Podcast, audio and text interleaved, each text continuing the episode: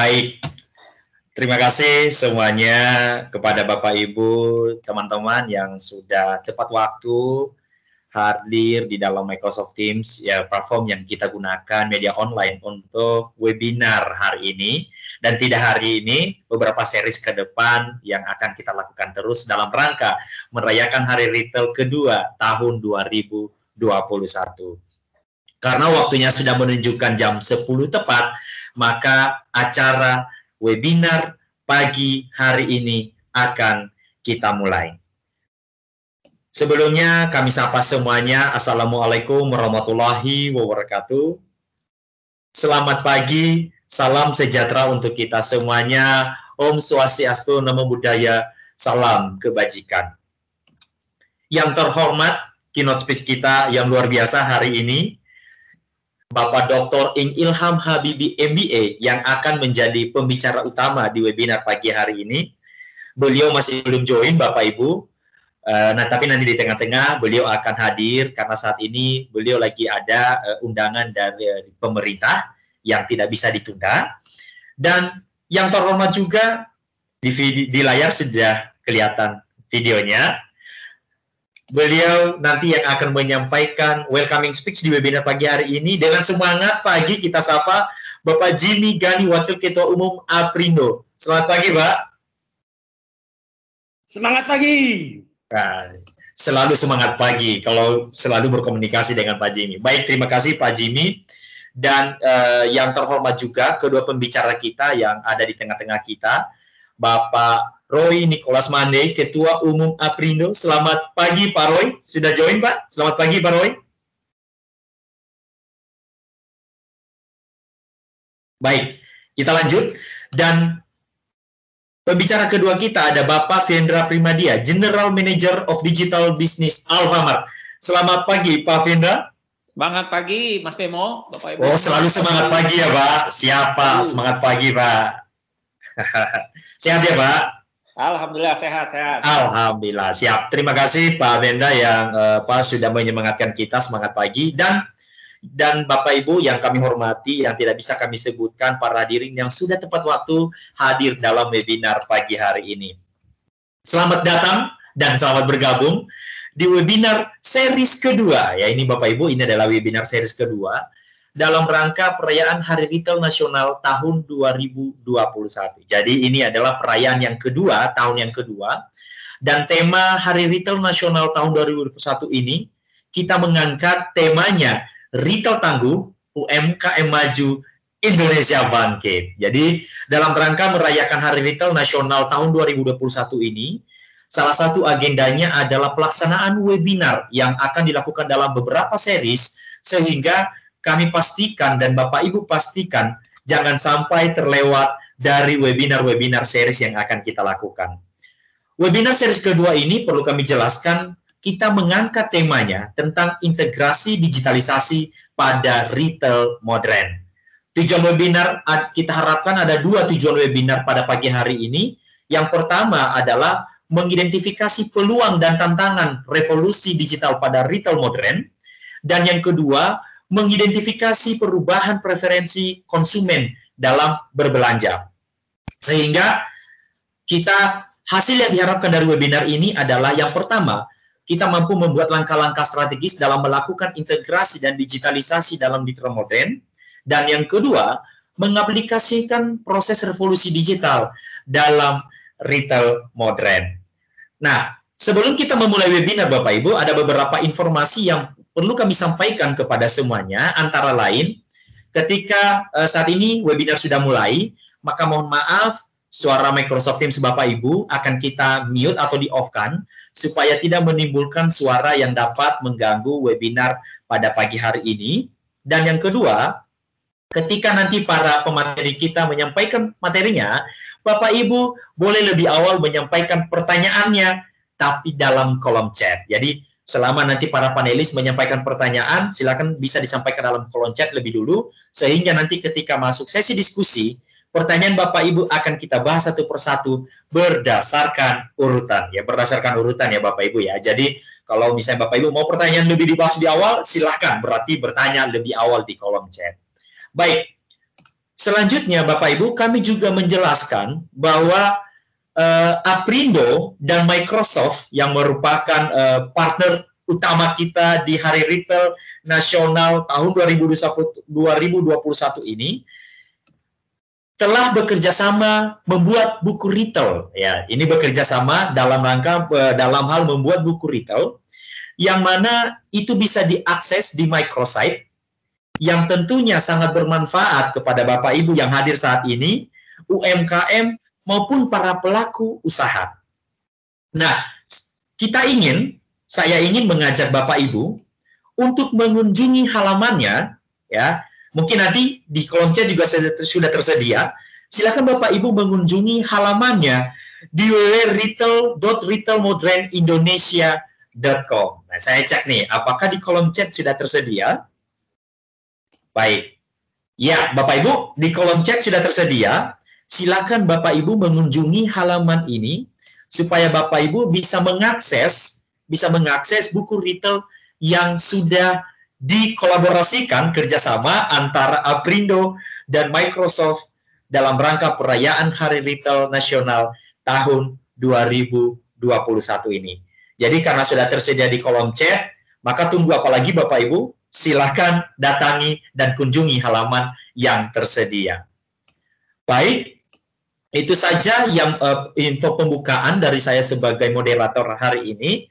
Maka untuk memanfaatkan waktu, kita akan masuk ke acara selanjutnya, yaitu welcoming speech yaitu dari Wakil Ketua Umum DPP Aprindo yang terhormat Bapak Jimmy Gani. Waktu dan tempat kami persilakan, Pak.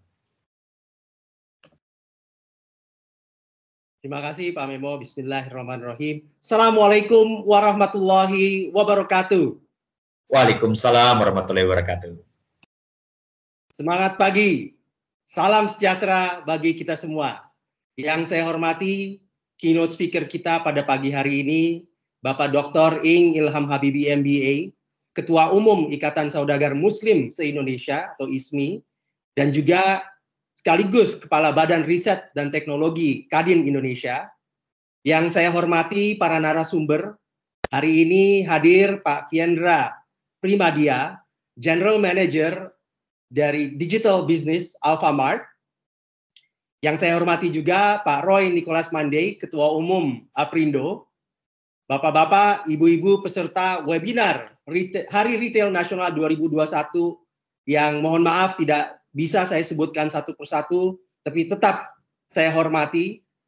Pertama-tama, marilah kita panjatkan puji dan syukur kehadirat Allah Subhanahu wa taala Hari ini kita berkesempatan untuk kumpul walaupun secara virtual dalam rangka kita mengikuti webinar Hari Retail Nasional tahun 2021 ini. Pada kesempatan ini perkenankan kami menyampaikan terima kasih pertama-tama kepada para narasumber kita, Pak Ilham, Pak Fiendra, dan Pak Roy Nicholas Mandey yang telah berkenan untuk hadir dan juga nanti sharing pengalaman dan juga pengetahuan mereka. Webinar kita pada hari ini merupakan bagian dari rangkaian acara yang diselenggarakan dalam rangka Hari Retail Nasional tahun 2021, yakni berupa webinar dengan tema integrasi digitalisasi pada retail modern. Webinar ini merupakan webinar kedua yang diselenggarakan oleh Aprindo bersama dengan Orbitin dari rangkaian series webinar yang telah dilaksanakan sejak tanggal 4 November lalu. Webinar ini merupakan webinar kedua kembali lagi dengan dan tema besar dari Hari Retail Nasional 2021 adalah retail tangguh, UMKM maju, Indonesia bangkit. Jadi harapannya dengan adanya sharing of knowledge, sharing of uh, experience ini nanti betul-betul memberikan kontribusi dalam rangka membuat retail tangguh, UMKM maju, dan Indonesia bangkit.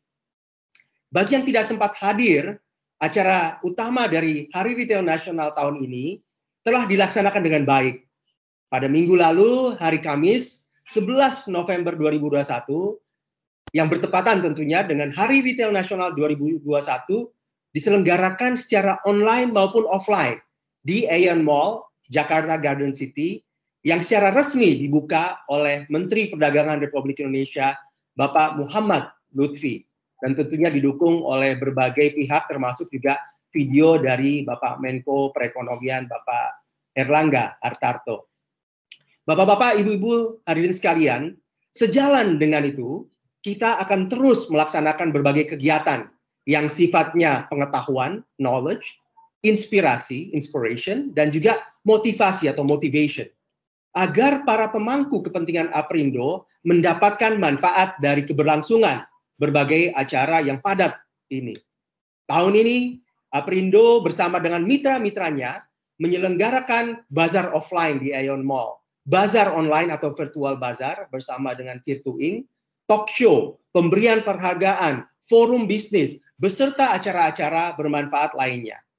Sementara itu, untuk series webinar, kita akan menghadirkan para pembicara mumpuni yang akan berbagi pengetahuan dan pengalaman mereka dalam berbagai webinar yang akan diselenggarakan hingga bulan Desember mendatang.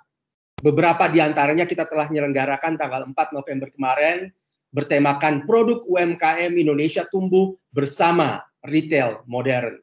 Kemudian ke depannya kita akan bicara tentang sistem manajemen keamanan pangan olahan atau SMKPO, ada UMK Indonesia, Go Nusantara, solusi digital untuk retail dan UMKM, kebijakan pemerintah dalam industri retail, dan juga tentunya tema-tema lainnya dalam rangka membangun retail yang tangguh, UMKM yang maju, agar Indonesia bangkit ke depannya. Tentunya acara-acara ini tidak dapat terselenggara tanpa dukungan dari mitra-mitra Aprindo yang luar biasa.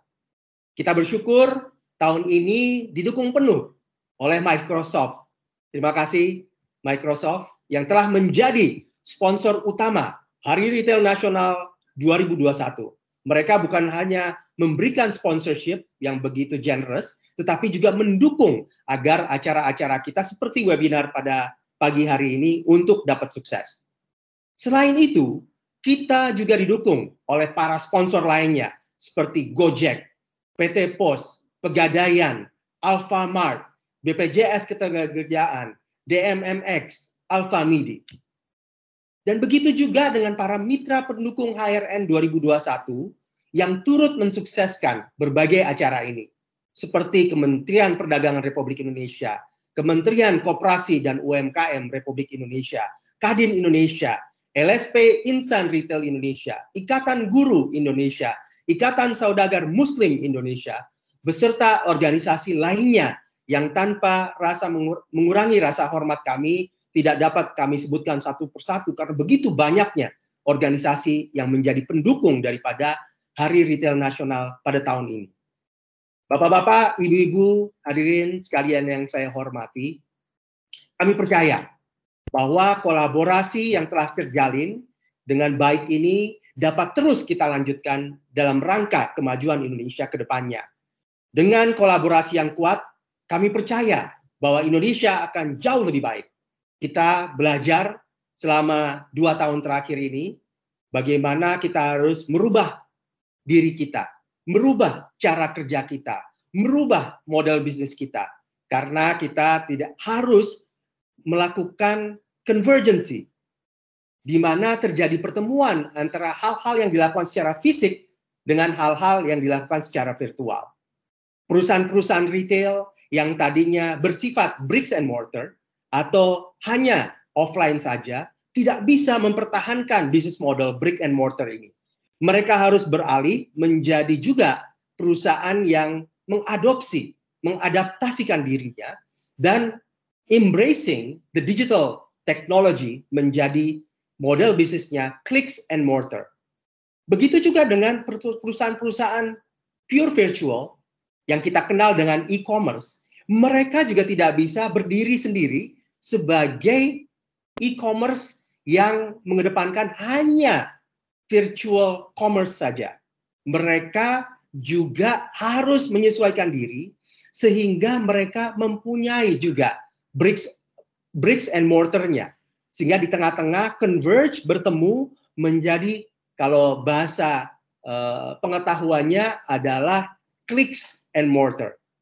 Ini merupakan penyesuaian untuk kita semua Dan insya Allah nanti Pak Ilham juga akan berbagi mengenai retail 4.0, 5.0, and beyond. Karena pemahaman beliau mengenai teknologi dan digitalisasi yang luar biasa ini. Saya berharap tentunya eh, teman-teman yang berkumpul pada hari ini, kita semua bisa mendapatkan pencerahan terhadap bagaimana terjadinya convergency, terjadinya satu pertemuan antara uh, offline dengan online, old economy dengan new economy, kemudian bricks and mortar dengan virtual menjadi clicks and mortar, sehingga kita semua bisa mendapatkan kisi-kisi dan juga menyesuaikan diri dalam menyambut the next normal, menyambut hal-hal yang baru dalam rangka melakukan bisnis dengan lebih baik. Bapak-bapak, ibu-ibu hadirin sekalian, demikian yang dapat kami sampaikan. Mohon maaf apabila ada hal-hal yang kurang berkenan dalam sambutan kami ini. Sekali lagi, terima kasih atas kehadiran bapak-bapak dan ibu-ibu sekalian. Selamat berdiskusi. Semoga webinar kita hari ini dapat memberikan manfaat dalam rangka retail tangguh, UMKM maju, Indonesia bangkit. Wabillahi taufik wal hidayah. Wassalamualaikum warahmatullahi wabarakatuh. Waalaikumsalam warahmatullahi wabarakatuh. Luar biasa sambutan yang luar biasa. Pagi ini sudah dibuka oleh Pak Jimmy Gani yang yang sangat energik. Terima kasih Pak Jimmy. Semoga webinar eh, apa hari ini bisa berjalan dengan baik sesuai dengan tuntutan daripada eh, Pak kita semuanya.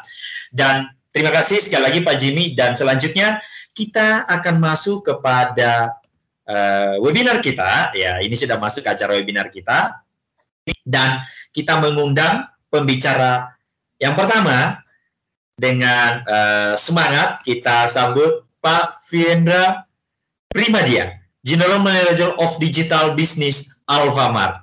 Nah, kita sambut dulu ini. Selamat pagi Pak Fiendra. Selamat pagi Mas Memo, Bapak Ibu semua. Selamat pagi, salam sehat. Luar biasa. Salam sehat luar biasa, Pak. Baik, iya. terima kasih Pak Venda.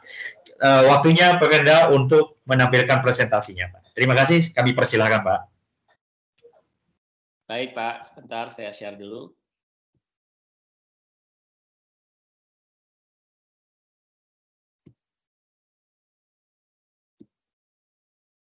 Sudah muncul, Mas Memo?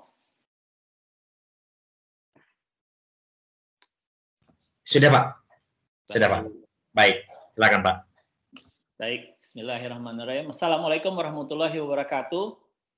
Yang saya hormati uh, Pak Jimmy Gani, yang saya hormati Bapak uh, Roy Mande, dan juga Bapak uh, Ing Ilham Habibi, dan Bapak Ibu semua peserta uh, webinar pada hari ini Eh, semoga kita semua dalam keadaan sehat-sehat.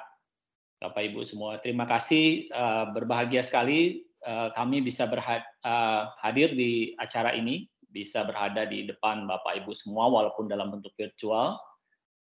Seperti tadi yang disampaikan oleh Pak Jimmy juga, ya jadi mungkin kita saya pribadi mengucapkan selamat Hari Retail nasional bagi kita semua, terutama para retail di Indonesia. Ya, mudah-mudahan dengan acara ini, dengan perayaan ini, kita semua bisa memotivasi, bisa bangkit kembali karena beberapa waktu lalu sempat uh, karena ada apa uh, eh, ppkm dan lain sebagainya, kita sempat mungkin agak slow down. Jadi mudah-mudahan dengan momentum acara kali ini hari ini kita bisa uh, kembali bangkit menjadi retail tangguh, UMKM maju dan Indonesia bangkit. Ya, gitu tadi sesuai dengan pesannya ya Pak Jimmy ya. Retail tangguh, UMKM maju, Indonesia bangkit. Jadi kalau kebetulan sama ini Pak Jimmy dan Bapak Ibu semua uh, temanya tangguh di Alfamart juga kami tahun 2021 ini tangguh uh, Alfamart tangguh. Jadi memang kalau sedikit jokes buat teman-teman di Alfamart Pak, tangguh itu jangan sampai nanti singkatan dari menantang sungguh-sungguh gitu. Karena betul-betul uh, kondisi di 2020 dan 2021 ini bukan sesuatu hal yang mudah ya Pak ya. Eh, Bapak Ibu semua, tetapi kita uh, yakin dengan apa yang kita upayakan bersama kita bisa bangkit kembali. Baik, saya mulai Pak presentasinya, Bapak Ibu semua. Kalau bicara mengenai teknologi digital yang mempengaruhi tadi disampaikan mempengaruhi bagaimana uh, customer behavior, mempengaruhi ya pola hidup kita, mempengaruhi kondisi kita dalam keseharian, tentu Bapak Ibu di uh, terutama para retail uh, paham ya bagaimana itu sudah uh, berpengaruhnya, dampaknya sudah seperti apa, bagaimana menyikapinya dan hal-hal yang yang terjadi saat ini di, dunia digital digital saat ini pun sudah uh, alhamdulillah sudah kami antisipasi di Alfamart sejak ya cukup beberapa waktu yang lalu. Uh, kami mulai dengan uh, visi di, dulu dalam presentasi ini. Yang pertama adalah visi kami adalah uh, di Alfamart adalah menjadi jaringan distribusi retail terkemuka di Indonesia yang berorientasi kepada uh, yang dimiliki oleh uh, masyarakat luas, berorientasi kepada pemberdayaan pengusaha kecil dan uh, pemenuhan harapan dan kebutuhan konsumen serta mampu bersaing secara global. Jadi kenapa uh, visi ini kami jadikan sebagai slide pertama dalam presentasi kami karena ini adalah yang menjiwai setiap aktivitas, setiap bisnis yang kami jalankan di Alfamart ada empat hal di sini yang menjadi highlight. Yang pertama, kita bicara mampu bersaing secara global. Kita bicara juga dimiliki oleh masyarakat luas dan tentunya uh, bisa uh, untuk memberdayakan pengusaha kecil serta mampu memenuhi kebutuhan dan harapan konsumen. Ini adalah sekilas tentang Alfamart uh, kondisi saat ini Pak, di mana Bapak Ibu semua mungkin sudah tahu jumlah toko kami sekitar 15.000 toko dengan jumlah item yang dijual 4.000, kurang lebih sekitar 4.000 dan uh, jumlah customer uh, loyal kami saat ini kurang lebih hampir uh, 18-19 juta. Dengan jumlah uh, customer yang berbelanja di Alfamart setiap hari sekitar empat setengah juta orang. Dan kami memiliki layanan uh, e-services, artinya produk-produk yang non uh, produk yang uh, di display di toko, produk fisik ya, ada sekitar 1.500 layanan. Seperti Bapak Ibu mungkin tahu ada BPJS, ada pembayaran PLN, cicilan dan lain sebagainya, termasuk juga pulsa. Lalu uh, kami didukung dengan 32 distribution center di mana itu ada di 24 provinsi di seluruh Indonesia. Artinya ya memang belum semua provinsi kami ada. Lalu uh, jumlah karyawan juga yang uh, karyawan Alfamart sendiri ada sekitar 120 ribuan karyawan dengan kami juga bekerja sama sekitar 7 ribuan dengan tenan-tenan yang ada di depan toko. Kalau Bapak Ibu uh, masuk ke toko Alfamart pasti ada melihat tenan-tenan. Nah, uh, di samping itu kami juga uh, ada program-program yang kami sebut Alfamart for Indonesia, di mana kami bekerja sama dengan beberapa uh, eh, SMK SMK untuk melakukan uh, kelas Alfamart Alfamart kelas di mana kami di sana mengajarkan manajemen tentang retail. Di samping itu kolaborasi kami dilakukan juga dengan para warung-warung di sekitar Alfamart di mana kami melakukan men-serve atau memenuhi kebutuhan dari order dari warung warung yang ada di sekitar Alfamart. Kurang lebih saat ini yang sudah kami layani ada sekitar 100 ribu.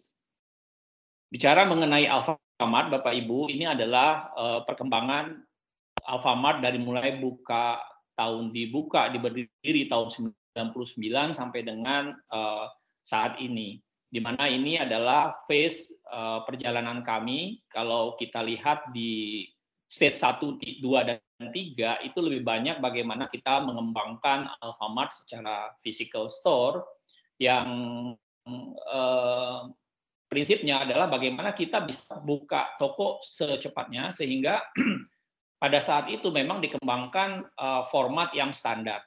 Dengan format standar, kita bisa melakukan duplikasi atau replicate uh, secara cepat. Dan uh, di tahun 2007 kita mulai expand ke luar Pulau Jawa. Nah, di tahun 2010 mulai kita masuk ke stage yang keempat dari periodenya Alfamart, di mana pada periode ini kita uh, kami uh, sudah me, uh, mulai inisiasi atau memulai inisiatif yang terkait digitalisasi atau kalau di kami disebut dengan waktu itu adalah Alpha Online. Dimulai Alpha Online itu tahun 2013 kami memulai dengan ya sedikit orang, hanya beberapa perwakilan dari IT, dari perwakilan dari bisnis, untuk mulai melihat potensi apa yang kita bisa uh, Alfamart garap di uh, online ini. Pada saat itu uh, sudah mulai uh, masuk dan mulai beroperasi beberapa e-commerce e-commerce besar yang tentunya kita melihat bahwa ini adalah suatu perubahan yang perlu kita antisipasi.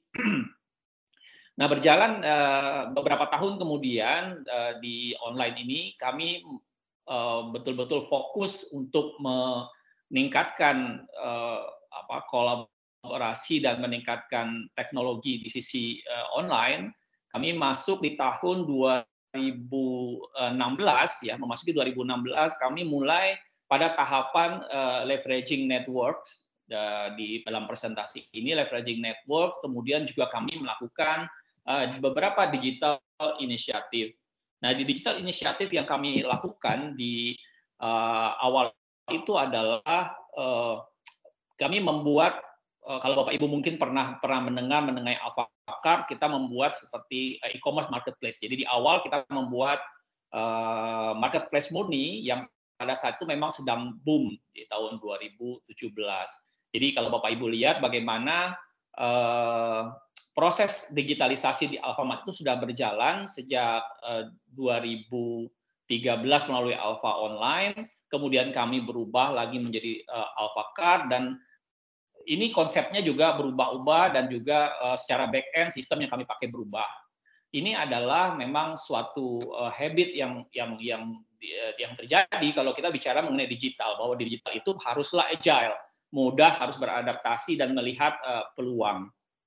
Nah, uh, yang kami ingin kembangkan berikutnya adalah kami kemudian dengan digital initiative itu membentuk digital bisnis sebagai salah satu bisnis unit di Alfamart yang tujuannya adalah menjadi inkubator bagi eh, aplikasi-aplikasi uh, yang nantinya kami akan uh, telurkan di kemudian hari. Ada beberapa aplikasi yang nanti akan kami jelaskan dan di digital bisnis itulah uh, kami mensinergikan beberapa resources, teknologi di dalam Alfamart ini sehingga dengan aplikasi yang kami develop itu tujuan dan fokusnya tetap kepada bagaimana meleverage jumlah toko jaringannya Alfamart, bagaimana kita tetap fokus kepada backbone kita di industri retail FMCG, bagaimana kita mengembangkan uh, teknologi itu berbasis memang semua didevelop oleh uh, apa in-house jadinya.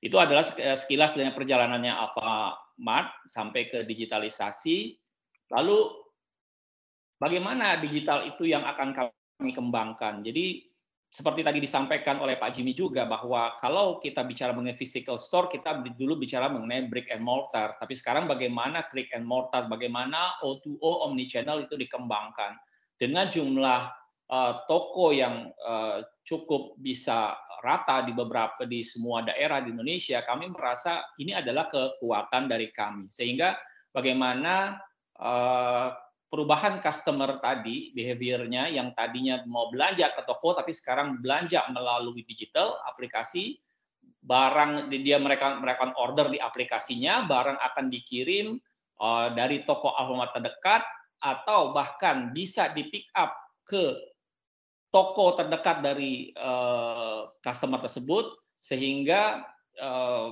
proses pembelian barang, terutama barang-barang groceries FMCG yang diharapkan cepat, nyaman, bisa terjadi. Jadi prosesnya ini adalah seperti yang di dalam gambaran di sini, Bapak Ibu semua, kami menggunakan uh, meleverage jaringan toko kami. Konsumen bisa order di contohnya misalnya di Jakarta, dia buat diri sendiri, dia akan kirim ke Jakarta ke rumahnya, atau uh, dia pick up toko ke toko terdekat atau bisa juga dia bisa mengirimkan ke orang tuanya yang ada di Surabaya. Nah, sehingga pada saat yang sama barang itu dikirimkan, tidak perlu menunggu barang dari Jakarta dikirim ke Surabaya, tetapi toko Surabaya yang terdekat dari lokasi dari uh, yang ingin kita kirimkan itu yang akan mengirim. Jadi secara uh, bisnis yang digital kami kembangkan adalah mengacu kepada flow bisnis uh, seperti ini. Lalu di tahun uh, terakhir di tahun 2021 ini setelah kami sudah mengembangkan digital business melalui O2O, kami mengembangkan juga delivery yang tentunya ini diperlukan untuk memastikan kecepatan uh, barang sampai ke toko-toko, eh sampai kepada uh, apa alamat atau yang dikirimkan tujuan. Jadi kami sebut namanya uh, SAPA, siap antar pesanan Anda, di mana saat ini kami assign beberapa toko yang uh, yang kami anggap memang banyak untuk transaksi online-nya supaya ini menjadi hub bagi toko-toko uh, yang lain ya. Jadi uh, dengan adanya SAPA ini kita bisa memastikan barang terdeliver dengan cepat dan dengan harga yang uh, terjangkau karena kita memiliki harga juga flat rate untuk untuk ini. Seperti yang kita tahu Bapak Ibu semua bahwa bisnis retail itu hakikatnya adalah bisnis pelayanan dan efisiensi. Jadi bagaimana uh, kekuatan-kekuatan yang kami miliki ya dengan itu adalah uh, seperti dalam slide ini ada 15.000 toko dengan uh, jumlah item 3.000 sampai 4.000 uh, produk kami bisa memastikan barang itu terdeliver dengan cepat. Kami juga memastikan adanya promosi-promosi bisa berjalan antara online to offline, offline to online. Nah, ini adalah sesuatu yang uh, tuntutan uh, dari customer. Bagaimana customer merasa bahwa produk-produk yang dia uh, dapat di online ada juga di offline, promonya pun berjalan secara bersamaan. Selain itu tentunya juga kita uh, memastikan juga stock availability ini juga jadi problem uh, bagi uh, bagi kita di industri retail ini. Di mana memastikan bahwa stok yang ada di toko kemudian juga bisa ada di dalam uh, aplikasi itu sama dan juga online. Sehingga pada saat transaksi itu terjadi dipastikan produk-produk yang ada dalam aplikasi itu memiliki uh, atau uh, available gitu bisa diambil bisa di, uh, ditransaksikan. Selain itu juga kita uh, kami membangun uh, API supaya uh, mensupport bisnis kami bisa nanti berhubungan dengan beberapa partner lain nanti akan kita jelaskan bagaimana API itu bekerja di Alfamart dan tentu experience dari O2O ini adalah yang menjadi hal yang penting bagi kita tadi juga disampaikan oleh uh, Pak Jimmy Gani juga bicara mengenai bagaimana online to offline dan offline to online. Jadi bagi yang e-commerce sudah memiliki uh, sudah berjalan tentunya dengan kehadiran uh, physical store ini memungkinkan mereka untuk bisa lebih menjamin uh, pengiriman barangnya dan menjamin availability dari uh, ketersediaan barangnya apa yang sudah kami lakukan saat ini ada lima aplikasi yang uh, sudah kami develop sejak ya jadi artinya kondisi saat ini di pandemi kami sudah persiapkan sejak tahun 2013 berjalan dan ini sudah uh, kelihatan beberapa konsep yang memang kami kembangkan sesuai dengan tadi visi kami di mana konsep ini uh, lima konsep ini untuk memenuhi target market yang berbeda-beda. Jadi kalau kita bicara eh, ada yang namanya Alpha Gig itu adalah target market untuk end customer Alfamart. Kemudian ada B2B nanti juga itu adalah untuk end customer, tapi bukan untuk aplikasi yang dimiliki oleh Alfamart. Jadi kami bisa jadi berkolaborasi dengan aplikasi-aplikasi yang lain. Lalu ada Alpha Pop, itu juga ada uh, untuk end customer yang walk-in ke toko. Lalu ada Alpha Micro, uh, untuk aplikasi untuk warung, Horeca, grosir dan juga di Alfamind untuk uh, apa housewife gitu ya untuk ibu-ibu rumah tangga yang ingin punya penghasilan. Nanti secara detail satu persatu saya akan sampaikan di uh, slide berikutnya. Nah, uh, secara produk juga uh, kami tetap uh, backbone-nya adalah menggunakan bagaimana jaringan toko Alfamart dan produk-produk Alfamart, namun ada kombinasi-kombinasi lain yang kami harapkan bisa menambah assortment barang walaupun toko tidak memiliki produk tersebut tapi bisa ditransaksikan di di aplikasi-aplikasi ini. Kita mulai dengan aplikasi pertama Bapak Ibu semua, kita kami sebut dengan AlphaGive. AlphaGive ini sebetulnya adalah aplikasi yang didevelop sejak tahun 2017 15 di mana aplikasi ini digunakan tadinya hanya sebagai customer loyalty saja. Jadi hanya kalau customer mau lihat poin, mau lihat koinnya dia, melihat toko di mana, melihat promosi gitu. Ini uh, aplikasi AlphaGift. Lalu uh, kita kami juga punya AlphaCard seperti yang kami uh, sampaikan uh, sebelumnya, di mana AlphaCard ini adalah transaksional sifatnya. Lalu pada 2018 kami mempertimbangkan sorry pada saat apa 2018 kemudian sampai 2020 kami mempertimbangkan bagaimana kalau transaksional tadi kemudian kami padukan dengan uh, database yang ada pada AlphaGift sebagai uh, loyalty member. Karena ini pasti mempunyai uh, advantage yang sangat tinggi sekali di mana kita sudah paham tentang bagaimana behavior customer-customer kami dari Alpha Gift, kita tahu kapan dia berbelanja, waktunya kapan, produk yang dibeli apa saja, jumlahnya berapa, ya. Sehingga kita tahu persis behavior dari customer loyal ya kami gitu. Nah, ini ini yang kami padukan dengan transaksional. Akhirnya pada tahun 2000 21 baru eh, awal-awal 2021 kami menggabungkan antara AlphaCard dan AlphaGift sehingga dengan begini kami berharap uh, inisiatif kami ini bisa meningkatkan servis kami kepada para pelanggannya Alpha Alfamart terutama yang sudah bergabung di layanan di AlphaGift. Ini adalah profile di AlphaGift saat ini, di mana downloaders kami di AlphaGift saat ini sudah hampir 14 juta. Dan yang unik, yang perlu kami share di sini adalah dari transaksi AlphaGift tersebut, masih ada 23 persen customer yang melakukan pick up ke toko dan 77 persen yang di deliver. Ini yang mungkin menjadi uh, perhatian juga buat kita bahwa customernya di Indonesia masih prefer juga datang ke toko walaupun transaksi dilakukan di online. Jadi artinya pada saat dia melakukan transaksi online, mereka pilih untuk pick up ke toko. Umumnya pada saat mungkin mereka pulang dari kantor, mereka mampir gitu ya setelah habis uh, bekerja, mereka mampir dan mereka tinggal ambil uh, produk yang sudah disiapkan oleh uh, personil toko.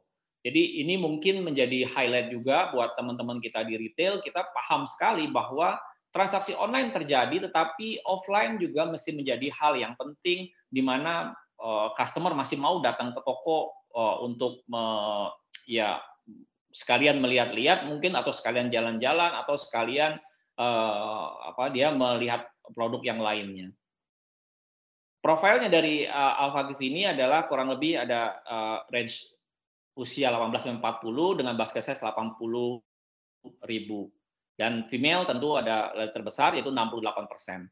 Dalam AlphaGift ini eh, feature-features yang seperti yang kami sudah siapkan adalah seperti yang tadi saya kami sampaikan. Kami sudah tahu profile di mana uh, customer itu belanjanya, kapan belanjanya, produk apa yang dibelanjakan, berapa quantity dan behavior behavior lain sehingga dengan begitu uh, kami bisa personalize sekali melalui melakukan penawaran-penawaran sehingga antara produk yang Eh, muncul atau disuggest di aplikasi saya dengan misalnya di Mas Memo aplikasinya Alphagroupnya Mas Memo itu berbeda.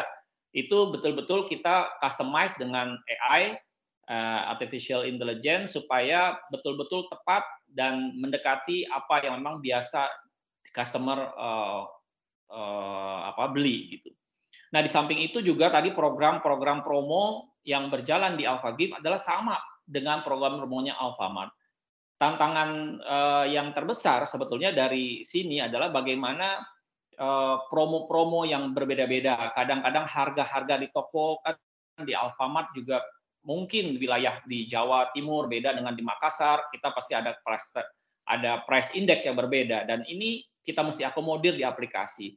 Dan sebagai uh, aplikasi yang ingin uh, kami ingin O2O itu lancar di mana customer itu merasakan betul kesamaan eh, apa ambience kesamaan dari journey maka semua promo ini kami di offline kita bawa ke uh, online di samping itu banyak lagi fitur-fitur yang lain termasuk e-receipt di dalamnya di mana kami uh, ini dengan tujuan supaya uh, go green ya kami tidak mencetak lagi uh, stroke, tapi stroke-nya sudah ada tercantum di dalam AlphaGift.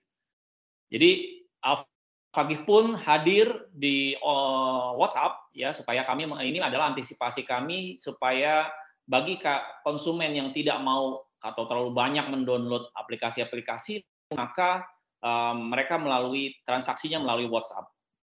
Ya, itu adalah uh, apa hal-hal yang uh, kami lakukan di AlphaGift. Lalu B2B aggregator. B2B aggregator ini adalah kuncinya satu.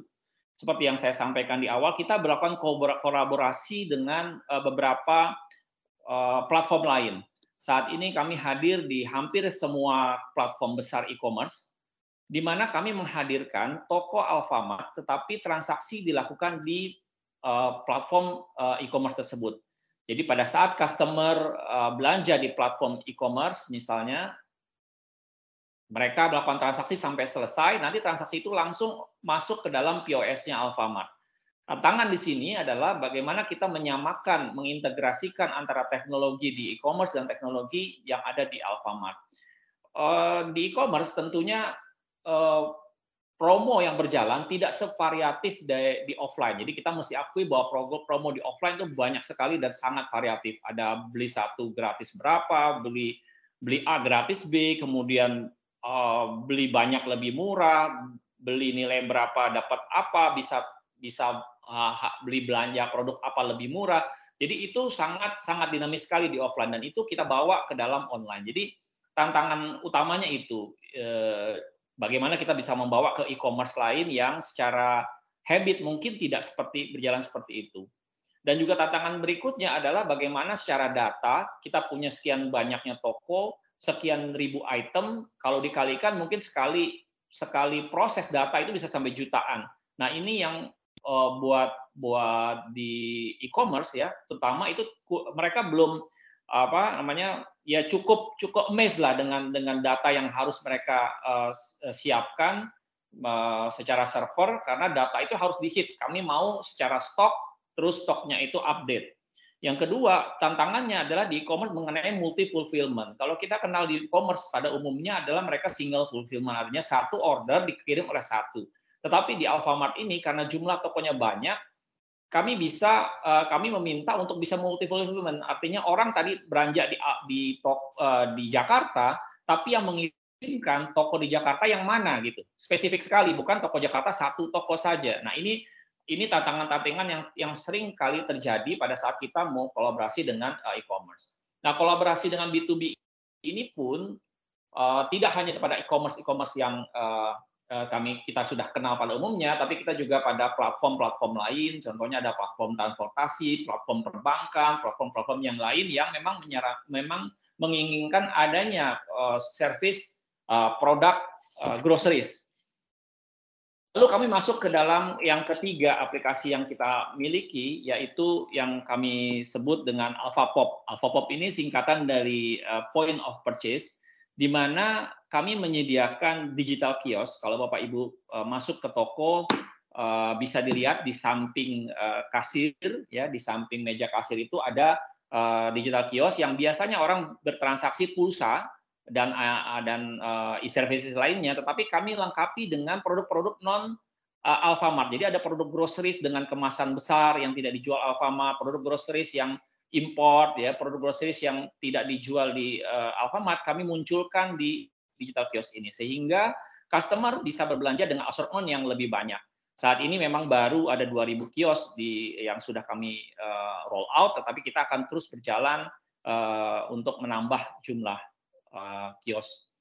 Lalu uh, tadi sesuai dengan visi kami, kami juga ingin memberdayakan UMKM. Kami ada aplikasi yang namanya Alfa Mikro, di mana Alfa Mikro ini adalah melayani, men-serve warung-warung uh, supaya warung-warung itu bisa mendapatkan produk Eh, dari Alfamart. Saat ini kami melayani setidaknya ada 100 ribu warung di mana yang terdiri dari retailer ya, baik itu R1, R2 kalau kita istilah-istilah di distribusi ya, uh, ya toko kelontong, kios gitu ya, uh, pedagang-pedagang asongan, kemudian juga kita uh, melayani horeca dan institusi outlet sampai ke star outlet. Uh, kami mengkampi dengan uh, motor armada ini sebagai untuk armada pengantaran bagi order yang masuk Kurang lebih adalah proses bisnis seperti ini dari prinsipal kirim barang-barangnya itu ke warehouse Alfamart, lalu dari warehouse kirimkan stock point ke toko-tokonya Alfamart, lalu dari uh, order yang masuk ke dalam aplikasi kami akan di deliver ke member relation. Nah, peranan daripada member relation ini bukan sekedar hanya mengantarkan barang, tapi melakukan pembinaan, mengajarkan cara display, mengajarkan cara inventory, bagaimana mengelola inventory, mengajarkan bagaimana cara mengelola keuangan, uh, warung karena umumnya sering kali uang warung itu individu kepake buat uh, eh, uang uang warung kepake buat keperluan individu dan akhirnya pada saat bicara modal sudah berkurang dan dengan ini maka banyak sekali aktivitas yang sudah kami lakukan di Alfa Mikro ini termasuk kepada pelatihan-pelatihan, pembinaan dan juga uh, kami melakukan aktivitas seperti dress up warung, Eh, melakukan renovasi-renovasi dan perbaikan tentunya dengan memastikan juga pada sistem yang berjalan. Lalu event-event juga kami sudah lakukan. Jadi kurang lebih itu Bapak Ibu yang kita bicara untuk Alpha Micro. Lalu yang terakhir adalah kita bicara mengenai Alpha Mind. Alpha Mind ini adalah aplikasi yang kami develop sekali lagi untuk memberdayakan orang-orang sebagai yang memulai entrepreneur. Kalau kita tahu entrepreneur bingung mau mulai dari mana, barangnya tidak punya, modal harus besar. Nah, ini kami menjawab tantangan itu dengan mendevelop aplikasi Alphamind di mana setiap orang bisa bergabung memiliki toko, tapi tokonya adalah bentuk virtual yang toko tersebut kemudian produk-produknya bisa dijual ke tetangga, ke teman-teman. Nah, ini adalah bagian dari social commerce yang kami akan kembangkan. Sehingga dengan demikian berapapun penjualan yang mereka lakukan, mereka akan dapatkan share margin dari uh, produk tersebut. Produk yang dijual bukan hanya produknya Alfamart, tetapi produk-produk juga di luar produknya Alfamart seperti ada cookware, tableware, dan produk-produk lainnya. Itu uh, sebagai gambaran apa yang kami lakukan inisiatif digital bisnis di Alfamart selama periode kurang lebih lima tahun terakhir dan kami berharap dengan pola online offline omni channel ini dan sebagai uh, integrasi antara offline dan online ini bisa uh, memenangkan buat juga buat pada konsumen dan tentunya di ujungnya kita bicara mengenai efisiensi dan bagaimana pelayanan kita bisa lebih baik. Itu yang bisa sampai saya kami sampaikan Bapak Ibu semua. Terima kasih. Pak Memo kami kembalikan. Baik, Terima kasih Pak Vendra yang luar biasa yang sudah memberikan materinya dengan eh, apa sangat-sangat lengkap dan ada beberapa catatan yang di sini bahwa sekelas Alfamart untuk melakukan inovasi dalam digitalnya eh, apa luar biasa dengan berbagai aplikasi yang dikembangkan B2B dan kemudian API yang luar biasa saya aja luar biasa ya Pak Alfamart dalam hal ini bisa mengupgrade ini semuanya di dalam perkembangan proses uh, bisnisnya. Tetapi ada satu catatan yang menarik dari Pak Venda tadi bahwa transaksi online yang dilakukan selama ini sangat besar, tapi ternyata masih di pick up di, di toko offline-nya. Nah, dari sini juga berarti sebenarnya 100% tidak bisa dilakukan juga secara online. Berarti catatan seperti itu ya Pak? Jadi ini masih perlu blend, masih perlu blend antara online dan offline. Tetapi uh, dengan dengan kita melihat bahwa uh, angka pandemi juga sudah cukup melandai, maka digital pun uh, ini jadi pelajaran kita juga semuanya bahwa banyak usaha memang berdampak dengan pandemi ini sehingga proses digital ini mau tidak mau harus segera di uh, di apa diimplementasikan oleh semua para pelaku usaha retail pada prinsipnya. Nah, ada satu pertanyaan, Pak satu pertanyaan dari saya dan teman-teman dan peserta hadir hari ini, jangan lupa ya kalau masih ada pertanyaan kepada Pak Vendra langsung di kolom chat saja. Uh, di dalam uh, implementasi tadi yang dijelaskan oleh Pak Vendra yang luar biasa ini banyak sekali. Apa peran UMKM dalam hal ini, Pak? Mungkin teman-teman ini sih banyak UMKM yang hadir, Pak. Nah, bagaimana eh, pelaku usaha UMKM dalam hal ini difasilitasi dengan mudah, terutama Pak dalam hal ini kita tidak bisa membantah bahwa teman-teman umum KM di luar sana masih banyak yang susah dengan yang namanya teknologi, Pak. Bagaimana mereka difasilitasi oleh para pelaku usaha retail, tapi ternyata tidak bisa lari kencang terhadap uh, retail seperti tadi Alfamart yang luar biasa banyak aplikasi dan pengembangan bisnisnya. Nah, mungkin itu satu pertanyaan dulu, Pak. Saya persilakan, Pak. Silakan, Pak Vendra. Ya, terima kasih, Mas Memo. Jadi memang sesuai dengan uh, sejalan dengan uh, visi kami ya. Kami tentu tidak akan pernah uh, apa meninggalkan UMKM. Jadi visi kami sudah berbicara seperti itu bagaimana kami membangkitkan UMKM. Di beberapa kesempatan pun kita melihat bahwa uh, secara toko fisikal Alfamart pun kami memiliki kebijakan untuk ada uh, apa uh, space yang kami siapkan untuk teman-teman di UMKM jadi kalau memang produknya itu kami layak dan produk-produk itu biasanya ada produk dari lokal, kami di wilayah-wilayah tertentu sudah menyiapkan space untuk di sana. Nah, bicara mengenai digital, pada saat enaknya digital begini, Mas Memo, begitu ada produknya itu di Alfamart, otomatis bisa juga produk tersebut muncul di digital. Atau bahkan tidak ada di Alfamart pun bisa dalam eh, bentuk digital. Jadi pada saat sudah ada kerjasama misalnya UMKM itu tersebut dengan Alfamart, produknya menjadi bagian dari produk Alfamart, maka otomatis akan masuk ke yang namanya tadi eh, aplikasi kami di AlfaGift. Sehingga itu bisa ditransaksikan di AlfaGift. Itu yang pertama. Tapi kedua, selain itu juga produk UMKM bisa juga dijual tadi di eh, aplikasi kami yang namanya AlfaPop kalau UMKM tersebut mau menjadi reseller. Apa yang eh, apa namanya eh, syaratnya menjadi resellernya di di di eh, Alpha Pop? Ya produknya pasti kita akan samakan. Apakah inline dengan kategori produk yang kita uh, ada dalam koridor-koridor di Alpha Alpha Pop gitu ya karena kita pasti akan akan melihat apakah kategorinya ini match atau tidak. Nah selebihnya itu uh, relatif mudah kami tidak mengenakan uh, apa persyaratan-persyaratan yang sulit Pastinya kita bicara mengenai eh, secara eh, legalitas saja, kami di submit legalitas, kemudian kami mau melihat produknya tersebut, availability-nya bagaimana. Tantangan sering kali adalah availability nih. Kita bilang produknya itu on off.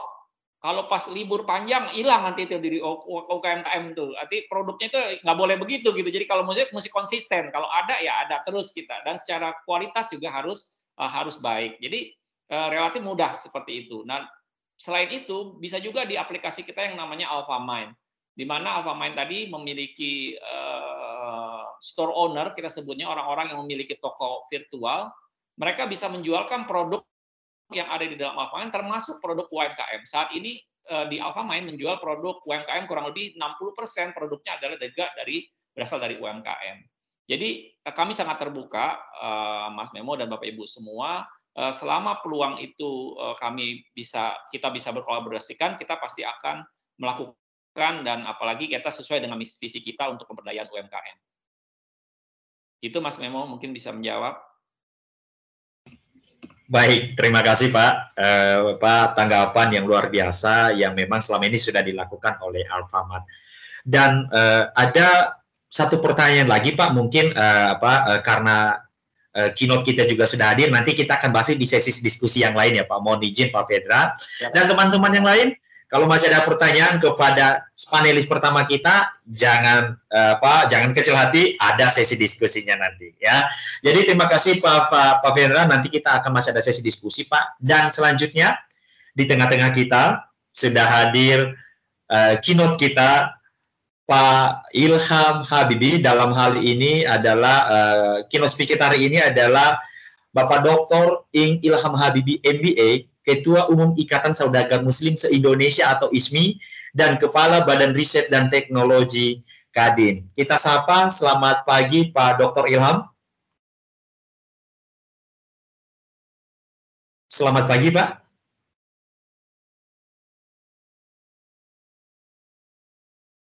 Pak Ilham, kayaknya ada problem dengan menemukan cursornya itu. Uh, omnibarnya itu ada di mana ya? Mungkin bisa dibantu. Beliau mau menyalakan video dan uh, ininya, tapi enggak. Belum. Baik. Baik. Terima kasih Pak Jimmy. Mungkin dari tim bisa membantu.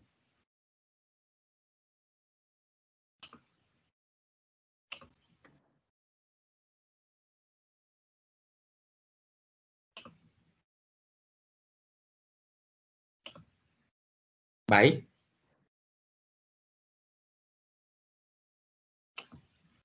Alhamdulillah. Selamat pagi Pak Dr. Yon. Oh, masih ke mute ya.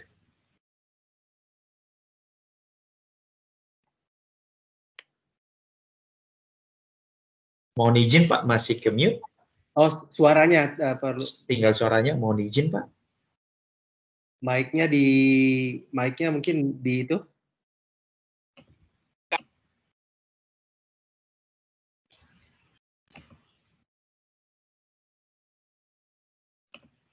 Baik.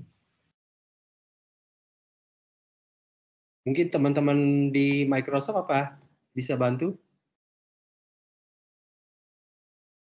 Uh, Omnibar-nya itu kebetulan ada di kalau di kita pindahin cursor ke video mungkin di situ ada mic-nya.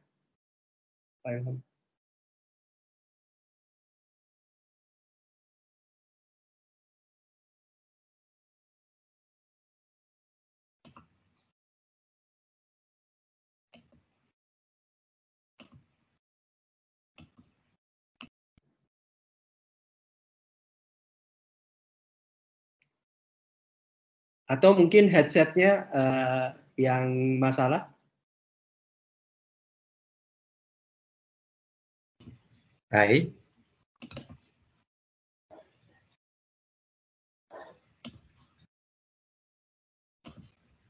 Baik dari tim sudah mengkonfirmasi, mohon izin Pak Jimmy. Ya. Uh, posisinya di secara uh, apa uh, sistem sudah di uh, apa di unmute, suaranya sudah on Pak, tapi mungkin trouble di uh, apa di posisi Pak Ilham, mohon izin Pak. Oke, mungkin beliau betul Pak. Apa, apa sampai keluar sekarang? Mungkin keluar, mohon izin kalau itu. Baik, mohon izin kita sambil menunggu kita lanjut, mohon izin. Oke, uh, sambil nunggu ya, kita tanya-tanya ya. ngobrol sama Pak itu dulu, baru Pak. Baik, oke. Okay. Uh, eh, terima kasih Bapak Ibu. Mohon maaf ada gangguan teknis. Uh, Pak, uh, beliau sudah join keynote kita, Pak Dr. Ilham Habibie, dan posisinya ada uh, trouble sedikit, uh, Pak di Microsoft Teams beliau. Tapi itu tidak membuka semangat kita untuk melanjutkan webinar kita hari ini ya. Jadi uh, sambil menunggu beliau nanti join, maka kita lanjut next kepada speaker kita yang kedua yang yang memang sudah menunggu dari tadi oleh Ketua Umum Aprindo Bapak Roy Nicholas Mande. Maka dengan semangat pagi kita sapa. Selamat pagi Pak Roy.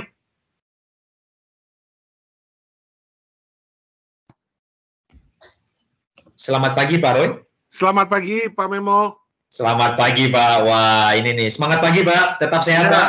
Selamat pagi. Ya suara saya sudah kedengaran?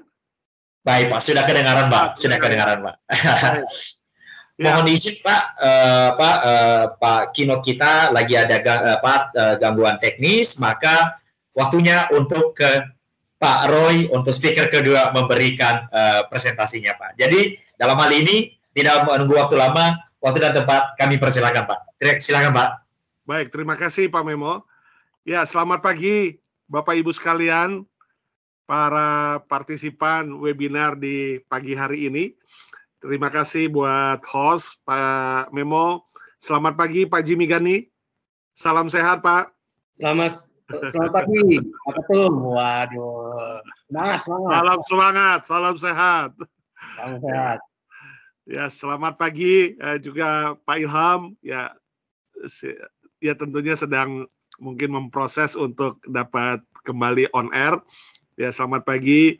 Kemudian selamat pagi buat para pengurus, anggota Aprindo, para narasumber yang mungkin nggak tersebutkan. Semuanya terima kasih sudah bersama-sama kita di dalam pembicaraan uh, webinar pada pagi hari ini. Ya, webinar pada pagi hari ini uh, mungkin izin sekaligus saya share screen saja supaya mempersingkat waktu. Uh, sebentar ya. Ini memang uh, kita akan sharekan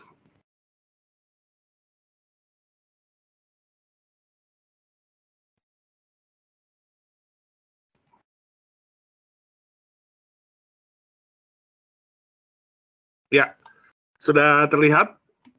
Mohon maaf. Uh, dari host ya. sudah terlihat? Siap. Sudah Pak. Sudah Pak. Uh, sudah ya, saya running slideshow ya. Silakan Pak. Oke. Okay.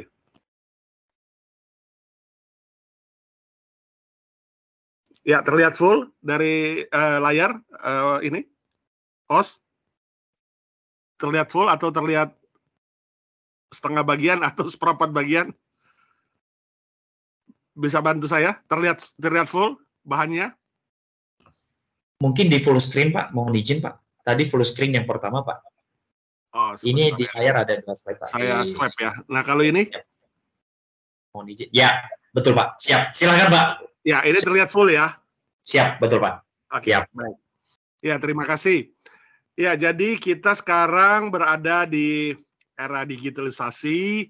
Ada dua era yang tentunya mengemuka uh, saat ini ya dalam kondisi perjalanan kita, perjalanan usaha, perjalanan bisnis, ya perjalanan bahkan perjalanan kehidupan kita bahwa keniscayaan ada dua hal yang terjadi pada saat ini yaitu keniscayaan pada globalisasi dan keniscayaan pada digitalisasi.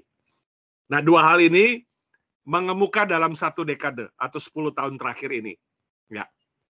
Tentunya ini menjadi bagian yang tidak bisa kita hindarkan, suatu keniscayaan, satu kepastian, suatu kondisi yang sudah saat ini berjalan di depan kita. Tidak hanya berjalan di belakang ya, sekarang sudah berjalan di depan kita. Dan tentunya kita mengikuti arus globalisasi dan arus digitalisasi. Ya, uh, ya ini singkat saja. Jadi memang pandemik atau PSBB belum selesai ya. Jaga prokes, pandemik boleh turun, PPKM level boleh turun, tapi prokes jangan turun.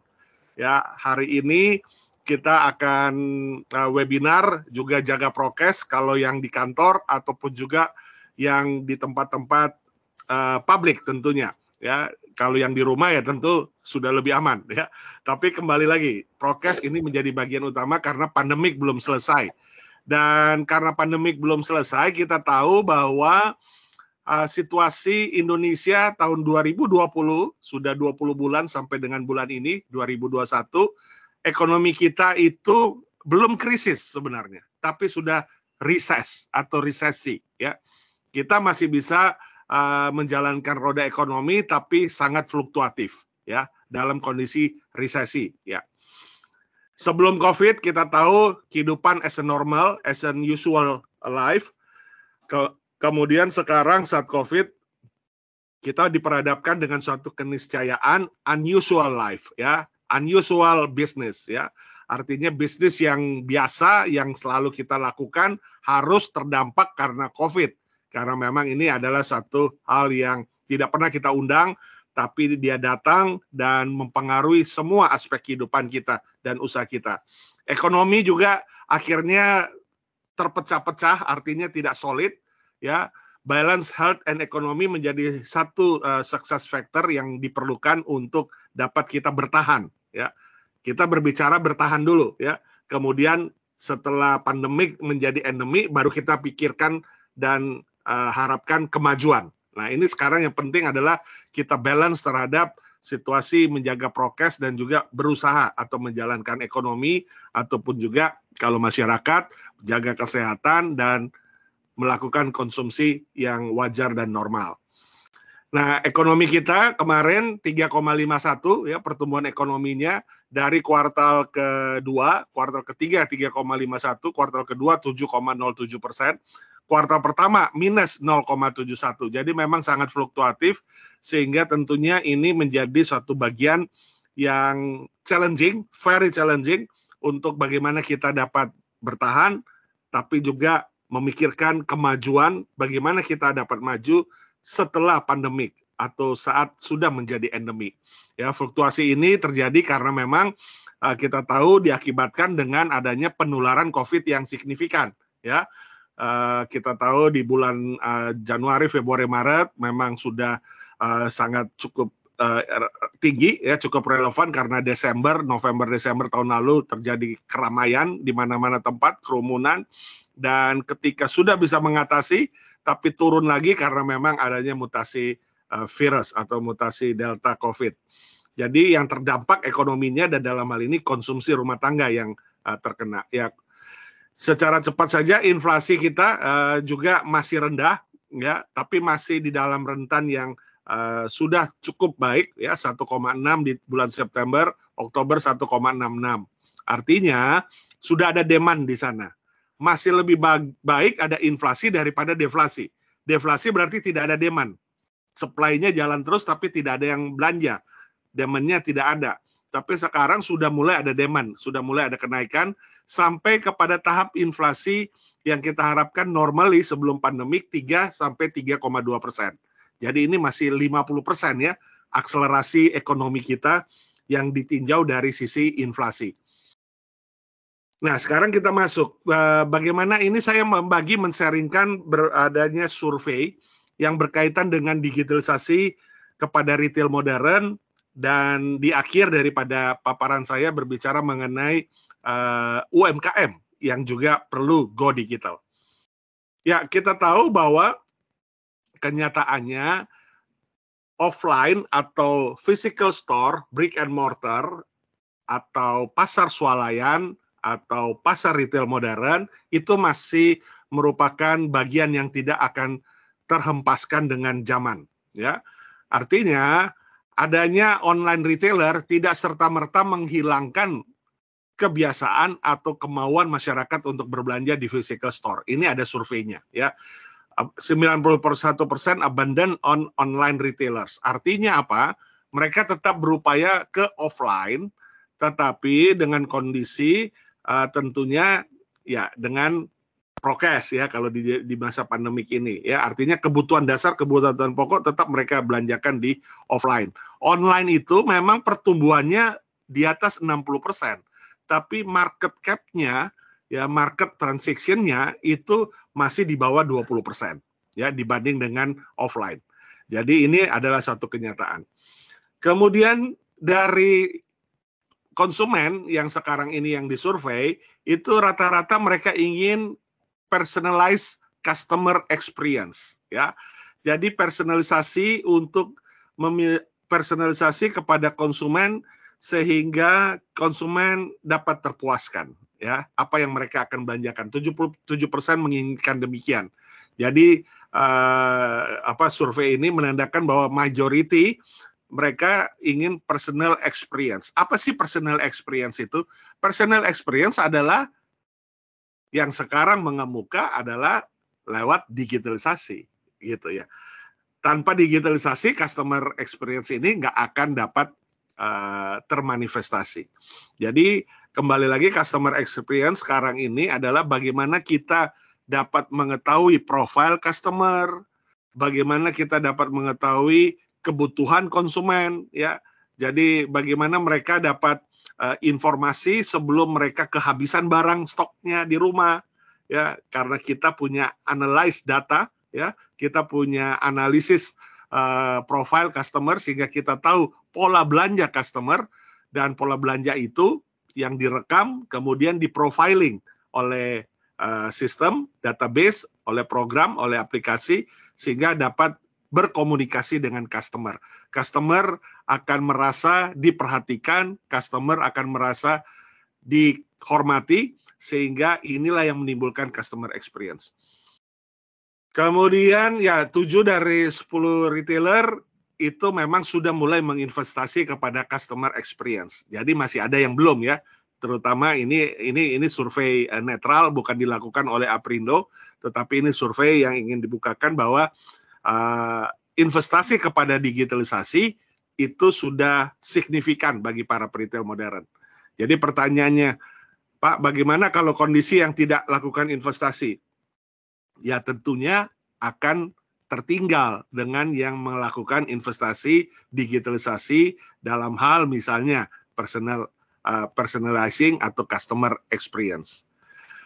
Customer expectation dengan retail experience, harapan dari konsumen dan juga apa yang dilakukan oleh para retail dalam uh, memenuhi perilaku konsumen yang berubah karena globalisasi dan digitalisasi seperti di awal tadi saya, uh, saya katakan bahwa karena satu keniscayaan sekarang konsumen atau shoppers itu akan uh, melihat perbandingan-perbandingan produk ya. Nah, perbandingan-perbandingan produk ini ini juga adalah satu keniscayaan ya. Jadi sebelum mereka membeli, mereka sekarang untuk lapisan lapisan konsumen uh, milenial terutama, mereka akan memperhatikan perbandingan review ya, review products. Nah, ini juga uh, sangat berarti bahwa uh, digitalisasi perlu memberikan uh, review produknya yang baik dan yang bagus gitu ya. Nah, kemudian juga uh, bagaimana untuk juga memberi keyakinan kepada para pembeli bahwa produk yang dibelinya itu adalah terjangkau, kemudian juga ada diskonnya. Ya, diskon adalah uh, hal yang mendasar bagi para retail dan itu diinformasikan atau disosialisasikan. Nah, saat ini yang terjadi adalah diskon bukan merupakan yang utama ya yang terjadi sekarang ini. Ini disurvei ya, disurvei oleh satu lembaga independen. Diskon itu menempati posisi 45% dari uh, nilai transaksi, keputusan transaksi yang dilakukan oleh konsumen ya. Tapi personalized email email ya nah ini email ini dalam arti luas uh, ini juga WhatsApp ya, direct marketing, WhatsApp atau juga uh, pesan pribadi dan lain sebagainya itu yang menempati posisi pertama ya.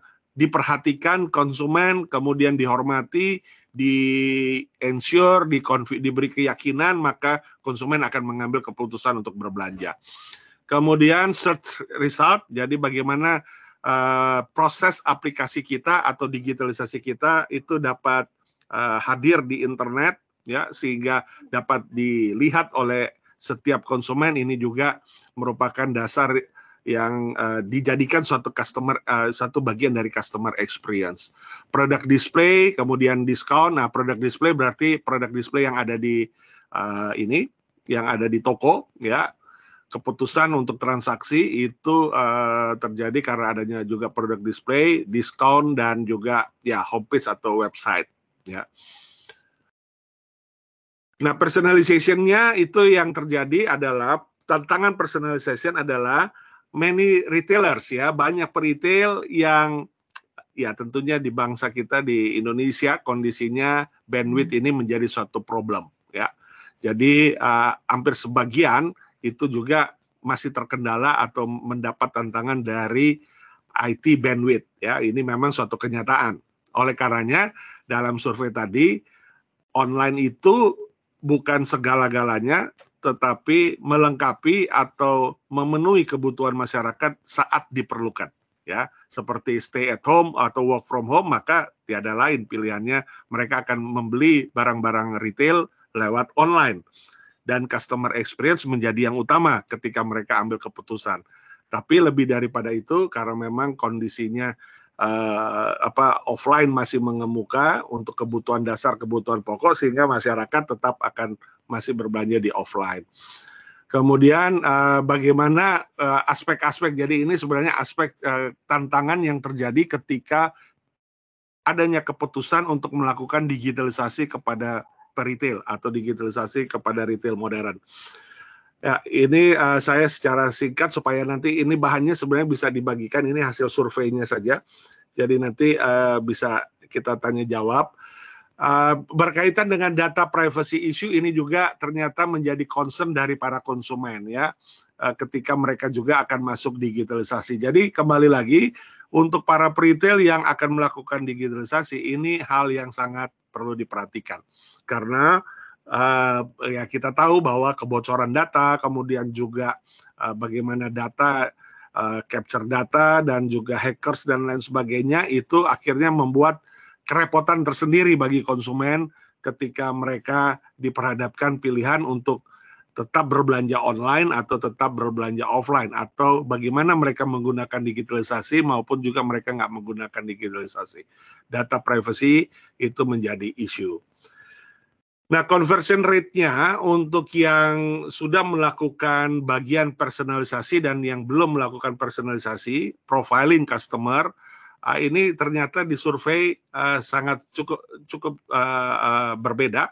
Yang belum melakukan personalisasi itu angkanya yang di atas. Dan yang sudah melakukan personalisasi sesuai dengan jenis barang retailnya itu uh, tentu lebih baik atau lebih signifikan ya. Uh, dari sisi brand yang melakukan personalisasi maka nilainya lebih baik daripada yang tidak melakukan personalisasi.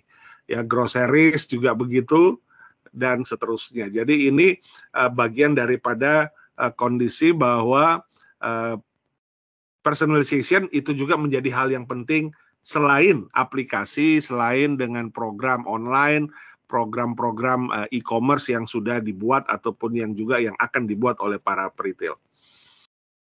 Nah, innovation area-nya adalah ya di bagian uh, produk tentunya itu yang harus dapat jelas, dapat akurat datanya, detailnya kalau kita masuk di dalam digitalisasi.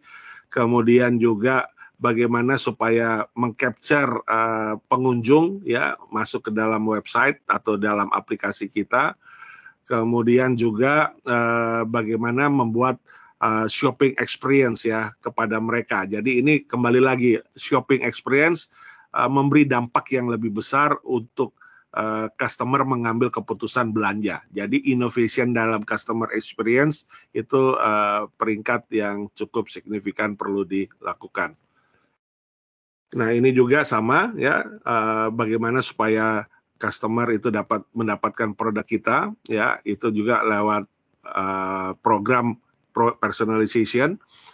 Nah ada beberapa innovation trend yang saat ini disurvey ya uh, untuk visual search para retailers itu uh, 50% ingin melakukan uh, fokus terhadap uh, kegiatan aktiviti supaya bisa memvisualkan apa yang dibutuhkan oleh konsumen lewat digital. Nah, 40% uh, menunggu. Jadi ada lebih besar yang tidak memperhatikan daripada yang memperhatikan itu. Ya, jadi kita tentunya harus uh, uh, lebih meningkatkan lagi bagaimana supaya shoppers dapat uh, apa memahami produk kita yang kita visualisasikan lewat uh, web page, lewat aplikasi, lewat program dan eh, hal-hal uh, lain yang berkaitan dengan digitalisasi. Kemudian hyper personalization itu uh, retailers juga sudah mulai dan di atas 50% di survei uh, masih ada 40 sekian yang belum melakukannya Eh, dan shoppers juga jumlahnya memang masih sedikit karena apa? Karena memang belum tersosialisasikan dengan baik bahwa ada uh, personalization yang sedang dilakukan, profiling yang sedang dilakukan oleh para retail. Jadi di sini dalam hal promosi atau propagandanya perlu ditingkatkan. Ada juga yang melakukan uh, apa gamification, artinya uh, kalau kita lihat di marketplace sekarang ada ada upaya-upaya untuk sebelum belanja konsumen bisa dihibur dengan bermain game dan lain sebagainya. Ini juga uh, sudah mulai uh, di-improve oleh para retail. Jadi tidak hanya melulu jualan barang, tapi ada entertainmentnya di aplikasi atau di digitalisasi yang diciptakan. Ya, ini merupakan bagian yang tentunya uh, bisa ditingkatkan. Ya, ini touchless shopping, uh, pembelanjaan lewat aplikasi itu juga uh, disurvei ternyata uh, para retail sudah mulai uh, beralih ya untuk juga mengembangkannya dan yang juga standby atau menggunakannya itu uh, dari sisi pembeli juga uh, ya tentunya masih perlu ditingkatkan. Dan ini ya sekarang yang menarik augmented and virtual reality ya ini juga akan masuk ke dunia maya ini ya yang akan lebih uh, signifikan lagi. Kita tahu Facebook sudah mengganti namanya menjadi metaverse ya. Metaverse itu artinya melampaui, meta itu melampaui. Uh, mereka membuat virtual yang menjadi reality, reality yang menjadi virtual. Nah, ini menarik. Ini ini adalah the future retail. Ya, siap-siap uh, para retail harus bisa masuk ke sini karena uh, ketika sudah virtual menjadi reality, reality menjadi virtual, maka sudah nggak ada batasan lagi ya. Begitu terbukanya uh, semua informasi bahkan juga semua transaksi bisa dilakukan lewat augmented and virtual reality ini. Uh, di dalam rilisnya misalnya uh, Facebook itu dengan menjadi metaverse mereka akan membuat uh, suatu kolaborasi-kolaborasi uh, ya tentunya dengan ya tentunya kalau retail ya berarti uh, kolaborasi dengan retail sehingga konsumen itu dapat seperti masuk ke toko walaupun walaupun berada di rumah gitu ya walaupun berada di kantor kemudian dapat memilih barang dan juga melakukan transaksi di virtual itu. Dan ini uh, sesuatu uh, experience yang luar biasa pasti dan ini akan uh, tentunya tidak dalam waktu dekat tapi akan menjadi suatu keniscayaan baru lagi. Ya, ini beberapa konklusi bahwa pentingnya uh, customer experience itu juga ditingkatkan, tidak hanya sekedar aplikasi dan program itu untuk para retail yang sudah mulai mentransformasikan uh, bisnisnya juga ke digitalisasi ya. Ini uh, mengenai conditional conditionalnya ya saya mungkin langsung kepada UMKM karena ini juga ada kaitan dengan UMKM. Nah, mengapa UMKM perlu untuk masuk juga ke digitalisasi? Karena yang pertama adalah untuk menjangkau pasar yang lebih luas. Dengan digitalisasi tentunya kita tidak hanya pada lapak kita yang ukurannya 2 kali 2 meter, 2 kali 3 meter, atau produk kita yang ada di gerai-gerai retail yang kita masukkan ke gerai retail modern, tapi juga justru lebih luas lagi karena 24 hours, 7 week, 365 days ya, 24 jam, 7 hari seminggu, dan 365 hari dapat diakses oleh siapa pun. Nah, pentingnya digitalisasi bagi para UMKM adalah juga untuk menjangkau pasar yang lebih luas. Nah, penggunaan internet memang dirasa membantu UMKM, terutama untuk menjalankan usaha di masa-masa pandemik ya. 80% menjawab membantu dan 19,4% belum membantu. Artinya mungkin masih gaptek.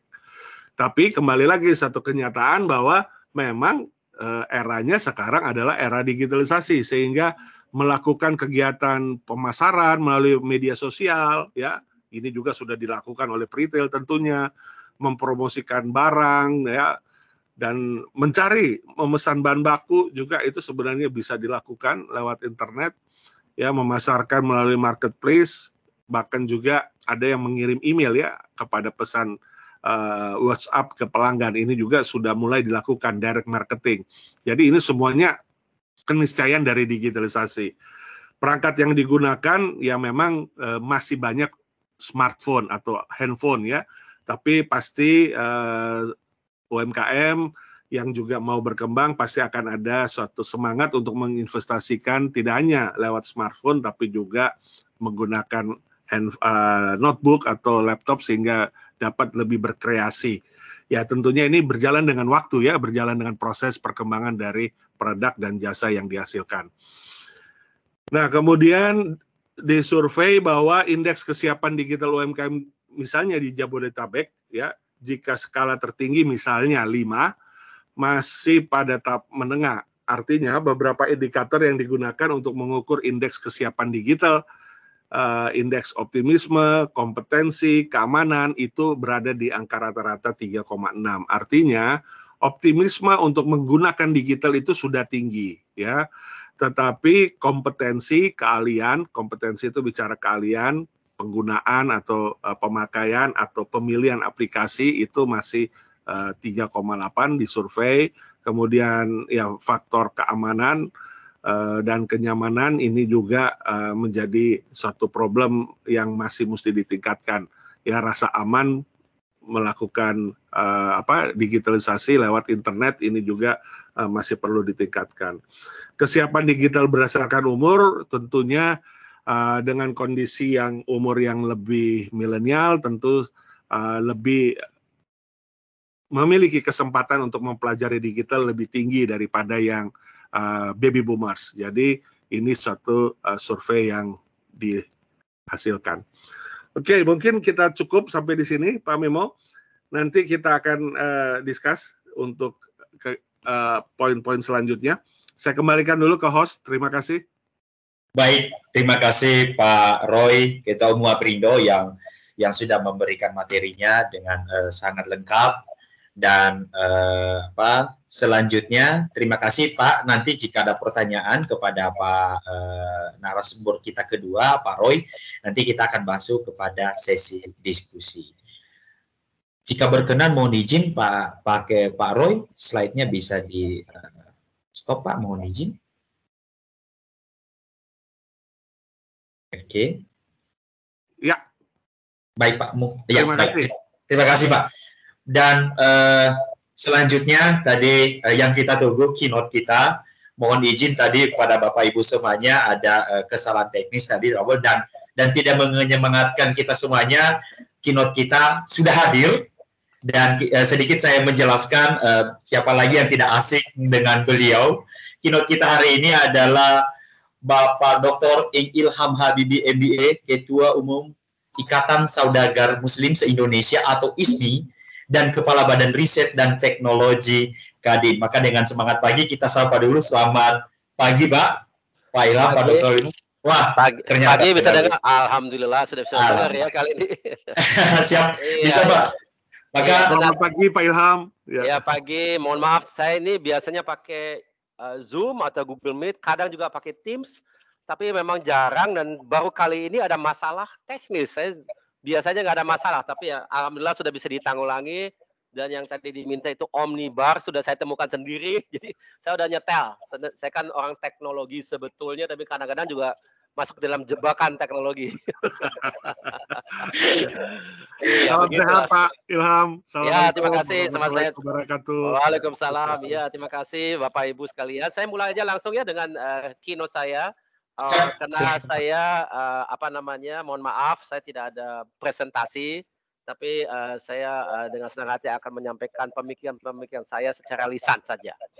Jadi baik uh, Bapak Ibu yang saya hormati, Bapak Ketua Umum Pak Roy Mande, uh, uh, Bapak Jimmy Gani, teman saya lama, dan juga Bapak Ibu lainnya yang mohon maaf saya sebut-sebut satu-satu. Assalamualaikum warahmatullahi wabarakatuh. Selamat siang dan salam sejahtera kepada kita semua. Adalah kehormatan buat saya untuk bicara di depan Bapak Ibu sekalian, uh, apa Asosiasi Retail se-Indonesia. Uh, terus terang saya ini latar belakangnya memang bukan retail, tapi saya menjadi salah satu customer dan saya sangat tertarik dengan kecepatan apa uh, perkembangan retail di dunia ini yang memang uh, boleh dikatakan uh, sering jadi sering kali menjadi pelopor bagaimana teknologi-teknologi tentu bisa mengubah bisnis proses dan juga antamuka dengan uh, customer dan juga dengan dunia pada umumnya uh, dan retail itu memang salah satu contoh yang sangat uh, menarik dan menurut saya bisa apa menjadi industri pelopor untuk industri-industri lainnya yang mungkin perkembangannya tidak secepat retail. Baiklah, uh, pertama yang saya ingin sampaikan uh, adalah bahwasanya banyak poin yang tadi sudah disebutkan oleh Pak Roy Mande itu sangat uh, valid. Jadi memang online apa namanya online atau digitalisasi atau penggunaan internet itu sudah bis, tidak bisa lagi di, diabaikan. Jadi itu bukan iya atau tidak, tapi bagaimana? Apakah full online atau hibrida? Ya, tapi satu strategi tanpa adanya komponen online digitalisasi internet itu pasti ada yang kurang dan nggak akan bisa menang dalam kompetisi. Harus ada. Yang kedua terkait dengan itu, boleh dikatakan bahwa semua sektor atau semua bagian daripada proses bisnis retail itu ternyata itu terdampak. Mau dari penjualan, marketing, uh, product development, produksi, logistik, antamuka dan keterlibatan dari customer dan lain-lain semuanya itu ada dampaknya. Dan efeknya itu adalah uh, satu yang sangat kelihatan itu kecepatan. Kecepatan daripada proses bisnis itu luar biasa dan nanti saya akan kasih beberapa contoh. Itu ada peningkatan secara dramatis. Begitupun juga dari segi quality dan quantity yang diperlukan untuk menjalankan satu bisnis proses secara layak. Dan ketiga tentunya cost-nya. Itu ada perubahan secara drastis, kadang itu menurun secara drastis dan itu memang uh, menjadi satu hal yang memungkinkan model-model bisnis yang beberapa tahun yang lampau tidak atau belum terpikirkan bisa berjalan dengan baik. Dan yang terakhir itu ya memang bagaimana kita berhadapan dengan pelanggan, melibatkan pelanggan, customer. Bagaimana kita berantar muka, melibatkan mereka, memberikan jasa yang baik kepada mereka, dan memberikan kepuasan kepada mereka, saya kira itu adalah the big point in the whole story daripada apa yang saya namakan retail 4.0, 5.0 dan and beyond. Jadi bagaimana kita harus lihat retail ini ke depan. Jadi kalau kalau ini saya langsung lompat ke poin yang salah satu poin yang sentral uh, adalah bahwasannya the real story daripada digitalisasi atau online dan uh, internet based retail is sebetulnya adalah kita memberdayakan pelanggan. Itu pertama. Kita bisa melakukan customisasi secara massal yang dulu itu kayak uh, apa uh, seperti uh, misnomer. Jadi kayak kok bisa customisasi tapi massal gitu ya. Biasanya customisasi itu dalam jumlah yang kecil, tapi padahal dengan teknologi kita bisa lakukan secara massal gitu ya. Jadi mass customization is a major point. Kemudian yang mungkin ini mungkin it's a apa nice keyword itu adalah yang kita lakukan sebetulnya adalah demokratisasi daripada retail itu sendiri. Dan nanti saya akan terangkan itu bagaimana harus dilihat itu. Baiklah, saya kembali lagi kepada yang tadi. Jadi ini cuma headernya seperti apa. Jadi pemberdayaan, kemudian ada uh, customization secara massal dan akhir kata mungkin atau bukan akhir kata tapi dalam hal itu salah satu kesimpulan itu adalah yang kita melihat adalah semacam demokratisasi daripada retail. Ya, semacam ya. Jadi um, ada yang sesuai dengan kata kunci itu dan ada mungkin masih perlu dipertanyakan. Nah, kembali ke yang tadi. Tadi kan saya sebutkan bahwa saya efek itu adalah di kecepatan, quality quantity yang diperlukan untuk menjalankan bisnis model itu dengan layak, kemudian juga biaya dan uh, yang paling paling kelihatan itu sesuai dengan apa yang tadi saya katakan, online, digital, internet itu bagaimana kita berhadapan dengan si pelanggan itu, si nasabah, nasabah itu. Nah, saya kasih contoh sekarang, saya sudah lebih konkret. Ya, saya tadi lihat Pak Roy menunjukkan satu gambaran komponen daripada retail itu apa saja. Jadi ada garment dan tekstil, ada jewelry, ada grocery dan ada buku dan sebagainya. Saya mau fokus hanya kepada garment saja, kepada fashion industry. Karena ini adalah uh, satu contoh yang tentu mungkin tidak semua muanya bisa diterapkan kepada sektor lain dari retail itu, tapi ini menjadi contoh yang sangat-sangat uh, menakjubkan menurut saya. Saya kira bagi kita-kita yang mungkin ada perhatian sedikit kepada fashion industry ini ada satu kata kunci bagaimana itu kita lihat di tahun-tahun terakhir ini. Jadi yang dulu kita melihat sebagai satu hal yang sangat dominan yaitu adalah fast fashion. Jadi dengan adanya digitalisasi, dengan adanya elemen internet dan sebagainya, online mungkin juga ada, itu ada brand-brand yang menjadi global dan dia bisa produksi, eh, bisa mengembangkan produk itu dalam waktu sangat singkat dan sangat cepat eh, eh, dan bisa apa mengirim barang mereka dalam waktu juga hanya beberapa minggu saja ke toko di mana pun di dunia ini saja. Saya bicara mengenai brand seperti, mohon maaf saya sebut nama di sini, Zara, H&M, Uniqlo, dan sebagainya. Itu masuk ke dalam fast fashion. Nah, sekarang yang kita lihat sekarang, yang tren yang paling mudah yaitu ada yang namanya ultra fast fashion. Brandnya seperti, mohon maaf saya sebut lagi, Boohoo, Forever 21, atau Pretty Little Thing, itu mereka itu yang dulu kita sudah sangat terkaget-kaget, kok bisa ya si, si Zara itu bisa membuat per minggu, per minggu 500 new item dia bisa buat per minggu dan dia shipping juga segera dalam beberapa minggu itu masuk ke toko. Kalau si brand ini yang baru-baru ini dia bisa per minggu 7000 7000 new design yang semuanya berdasarkan berdasarkan bagaimana dilihat pasarnya. Jadi pasar itu menjadi lebih dimengerti secara mikro dan itu sebetulnya pada dasarnya adalah dampak daripada apa? Daripada sosmed sosmed dengan ekosistemnya. Jadi kalau kita lihat uh, kebiasaan consumer di Amerika Serikat yang memang sering kali menjadi trendsetter, tiap lima hari mereka beli baju baru. Tiap lima hari.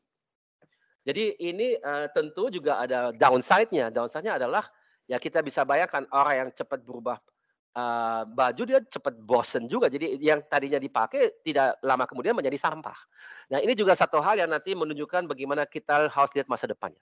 Tapi yang jelas, jadi ini jelas tidak sustainable. Jadi karena adanya ultra fast fashion yang menjadi lebih cepat, dia sudah ready untuk shipment dengan barang yang bisa di antara 300 dan 500 item, dia udah ready to ship dari ke mana pun di dunia ini. Dan itu memang desainnya mungkin ada di uh, Amerika, atau di Inggris, atau di Eropa, uh, kemudian target marketnya di Asia, dibuat di Cina. Jadi itu globalisasi daripada supply chain itu juga semuanya menjadi lebih cepat dan semuanya bisa udah siap untuk um, apa namanya uh, melayani customer yang memang semakin apa ya dia semakin cepat berubah seleranya dan semakin tahu global trend yang ada. Namun demikian tetap mau adanya identitas uh, pribadi yang mungkin unik gitu. Sehingga apa yang terjadi adanya apa uh, tren eh, tren fashion itu menjadi lebih micro trend yang tergantung dengan generasi, tergantung dengan negara, tergantung dengan uh, dengan zaman gitu ya. Jadi itu memang uh, uh, pasarnya uh, sangat terpecah ke dalam pasar kecil-kecil tapi itu semuanya bisa di manage dengan teknologi itu. Jadi uh, apa yang kena yang tadi saya katakan itu. Jadi uh, tren yang disebut sebagai ultra fast fashion memang sebetulnya sama sekali tidak sesuai dengan pengertian kita yang lain terhadap zaman uh, baru ini dan juga kepada masa depan kita, ini jelas tidak sustainable. Yang karena memang apa yang dibeli eh, dalam waktu cepat sekali dan mengikuti keinginan yang sangat singkat ini juga dalam waktu eh, cepat juga akan dibuang. Jadi waste-nya menjadi sangat sangat tidak sustainable ya. Oleh karena itu dan itu saya kira kita baru lalui uh, beberapa ra rangkaian dari beberapa diskusi global atau juga summit global yang di, uh, di uh, Kunming mengenai di, di biodiversitas, di Glasgow mengenai iklim. Jadi apa yang juga menjadi sangat dominan di masa mendatang adalah hal-hal yang mempengaruhi fashion menjadi lebih sustainable. Dia harus ramah iklim, ramah lingkungan, ramah human labor. Orang sekarang sudah bertanya di banyak negara, ini siapa yang buat dan kondisi orang yang membuat itu seperti apa. Kemudian juga harus memperhatikan yang namanya circular economy. Sehingga di masa mendatang, kalau saya pribadi melihatnya, itu dari segi sourcingnya, karena ini terkait dengan uh, apa namanya carbon footprint daripada uh, global supply chain itu menjadi less global dan lebih local, sehingga sourcingnya akan di masa mendatang lebih melibatkan produsen-produsen lokal yang mungkin sekarang belum ada, tapi karena dia memang uh, atau masih lemah, tapi karena karena kita semuanya melihat bahwasannya globalisasi daripada supply chain itu sebetulnya bisa eskalasi menjadi satu carbon footprint yang sangat besar dan sangat menyakiti dunia kita dan oleh karena itu uh, satu ketika akan kembali ke local manufacturing, lebih lokal. Lebih lokal berarti bisa di negara kita sendiri, bisa di wilayah kita, di kota kita. Perlu diketahui bahwasanya ada gerakan dunia uh, yang bermula dari uh, Amerika Serikat dari MIT yang kita kenal sebagai Fab City. Fab, uh, Fab City itu bermula dengan Fab Lab. Uh, apa semboyan mereka adalah uh, we do as much as we can ourselves. Semuanya dibuat sendiri, gitu ya. Sehingga banyak kota di dunia ini sudah menandatangani satu kesepakatan bersama. Itu di antaranya ada Barcelona, ada London, ada uh, Hamburg, ada New York dan sebagainya. Pada bahwasannya di tahun 2044 mereka sudah komitmen untuk memproduksikan sebanyak mungkin hal yang mereka perlukan untuk konsumsi mereka sendiri dalam batasan kota mereka masing-masing. Jadi do it yourself as much as you can, gitu ya. Jadi itu uh, apa uh, paradigmanya dari Fab City itu adalah di uh, atoms stay at home, the bytes go global. Jadi apa yang tetap global itu adalah ide-ide, teknologi transfer, digital design, financing itu tetap bisa global tetap. Tapi banyak banyak sekali hal yang diperlukan untuk produksi daripada konsumsi kita itu semakin lama semakin banyak akan lokal karena paradigma ini. Dan saya tidak katakan di sini bahwasanya semua muanya harus lokal. Ya. Tidak mungkin setiap kota membuat pesawat terbang mereka sendiri kan? Tidak mungkin. Tapi kalau sepeda motor, kenapa tidak? Biarpun saat ini masih kelihatan sangat futuristik, tapi teknologi dan status pendidikan te terhadap teknologi itu ya semakin lama semakin memungkinkan itu. Sehingga yang tadi saya sebutkan sebagai demokratisasi daripada retail industri, sebetulnya juga demokratisasi daripada teknologi. Jadi dalam hal ini, apa yang saya tadi uh, gambarkan mengenai uh, fashion industry, itu sebetulnya simptomatis kepada retail, biarpun tidak uh, copy paste kepada sektor-sektor lainnya. Jadi saya kira apa yang saya tadi gambarkan kepada retail mungkin tidak bisa di copy paste kepada grocery, kepada jewelry, kepada buku dan sebagainya, tapi ada mirip-miripnya. Yang penting adalah kita ini melihat bahwasannya yang menjadi kunci dalam hal ini adalah bagaimana kita melihat karakter, sikap dan juga kesadaran daripada generasi-generasi berikutnya. Jadi sini saya maksudkan yang milenial, Gen Z dan yang lebih muda lagi mereka semuanya itu adalah digital native dan dia punya ekspektasi yang berbeda terhadap hidup mereka di masa mendatang dan juga hid, apa masa depan kita bersama di uh, planet planet bumi ini. Dalam hubungan ini kelihatan saat ini bahwasannya yang tadi saya masukkan dengan demokratisasi daripada retail. Kalau kita lihat di beberapa sektor, subsektor, misalnya saya lihat itu di herbal supplement ya. Eh, ada beberapa negara di mana peranan daripada dropshipper itu sudah kelihatan sekali. Jadi ini ada pelanggan, ini ada dropshipper yang sekaligus juga social media influencer. Dia bekerja sama dengan dengan apa namanya uh, uh, OEM, original uh, uh, equipment manufacturer dalam hal itu obat atau uh, herbal supplement, misalnya untuk obat kelangsingan dan sebagainya. Nah ini uh, menjadi bagian daripada retail barunya. Ya, jadi dalam hal ini dari produsen la langsung lewat dropshipper uh, langsung kepada customer. Yang dropshipper itu juga merupakan social media influence. Itu yang bagian daripada demokratisasi daripada uh, retail business. Tadi saya lihat di presentasi Bapak dari uh, Alfamart yang tadi disebut sebagai Alfamart mini itu ada miripnya dengan itu. Jadi ada semacam pemberdayaan peranan daripada orang yang menjadi seolah perantara di antara Alfamart Store dengan pelanggan. Itu ada yang di antara itu. Itu kurang lebih ada miripnya dengan dropshipper yang saya masukkan. Nah, yang menjadi kendala bukan kendala, tapi tantangan dari kita bersama yaitu adalah kalau peranan itu menjadi dominan, kadang itu memang ada perilaku dropshipper itu secara berlebih. Karena mereka tentu ada tekanan komersial, dia juga kadang mau mengembangkan produk mereka sendiri, sehingga dia itu, mohon maaf, kadang melanggar. Gitu ya. Jadi apa yang dijanjikan di herbal supplement industri itu memang kadang berdasarkan komponen-komponen ingredient yang sebetulnya terlarang. Terlarang atau paling tidak kalau disediakan itu harus ditekankan bahwa saya itu ada risikonya. Sehingga apa yang terjadi dalam hal demokratisasi retail ini, uh, saya kira tetap penting perlu ada peranan daripada regulator yang sentral dan pengawasan juga secara sentral karena semakin banyak orang terlibat dalam bisnis retail ini maka juga tidak semuanya mempunyai satu sistem kualitas yang terjamin dan punya profesionalisme yang memang juga sudah terbukti seperti kita lihat di retail industri secara uh, tradisional konvensional karena kita semakin banyak melibatkan banyak orang yang semuanya punya ambisi, ya punya keperluan, dan kadang memang tanpa sadar atau dengan sadar, mohon maaf, tapi dia melanggar. Jadi oleh karena itu ya saya kira uh, adanya uh, apa agensi atau regulator yang sentral yang mengawasi, yang membuat peraturan, yang juga bisa tindak lanjut uh, uh, kalau ada uh, apa pelanggaran itu sangat penting untuk bisa memastikan bahwasannya yang tadi saya sebut sebagai demokratisasi daripada retail itu bisa berjalan ke arah yang benar dan uh, tetap bisa uh, meningkatkan apa namanya kualitas daripada produk dan jasa yang diharapkan dan diperlukan oleh customer dan juga sekaligus uh, bisa menumbuh kembangkan ekonomi kita ke arah yang lebih baik, lebih apa uh, lebih uh, merata dan dengan adanya kesejahteraan bersama yang lebih tinggi. Saya kira itu saja dari saya. Terima kasih atas perhatian dan jika ada pertanyaan tentu dengan senang hati saya akan mencoba untuk menjawabnya. Terima kasih. Wabillahi taufiq hidayah. Wassalamualaikum warahmatullahi wabarakatuh.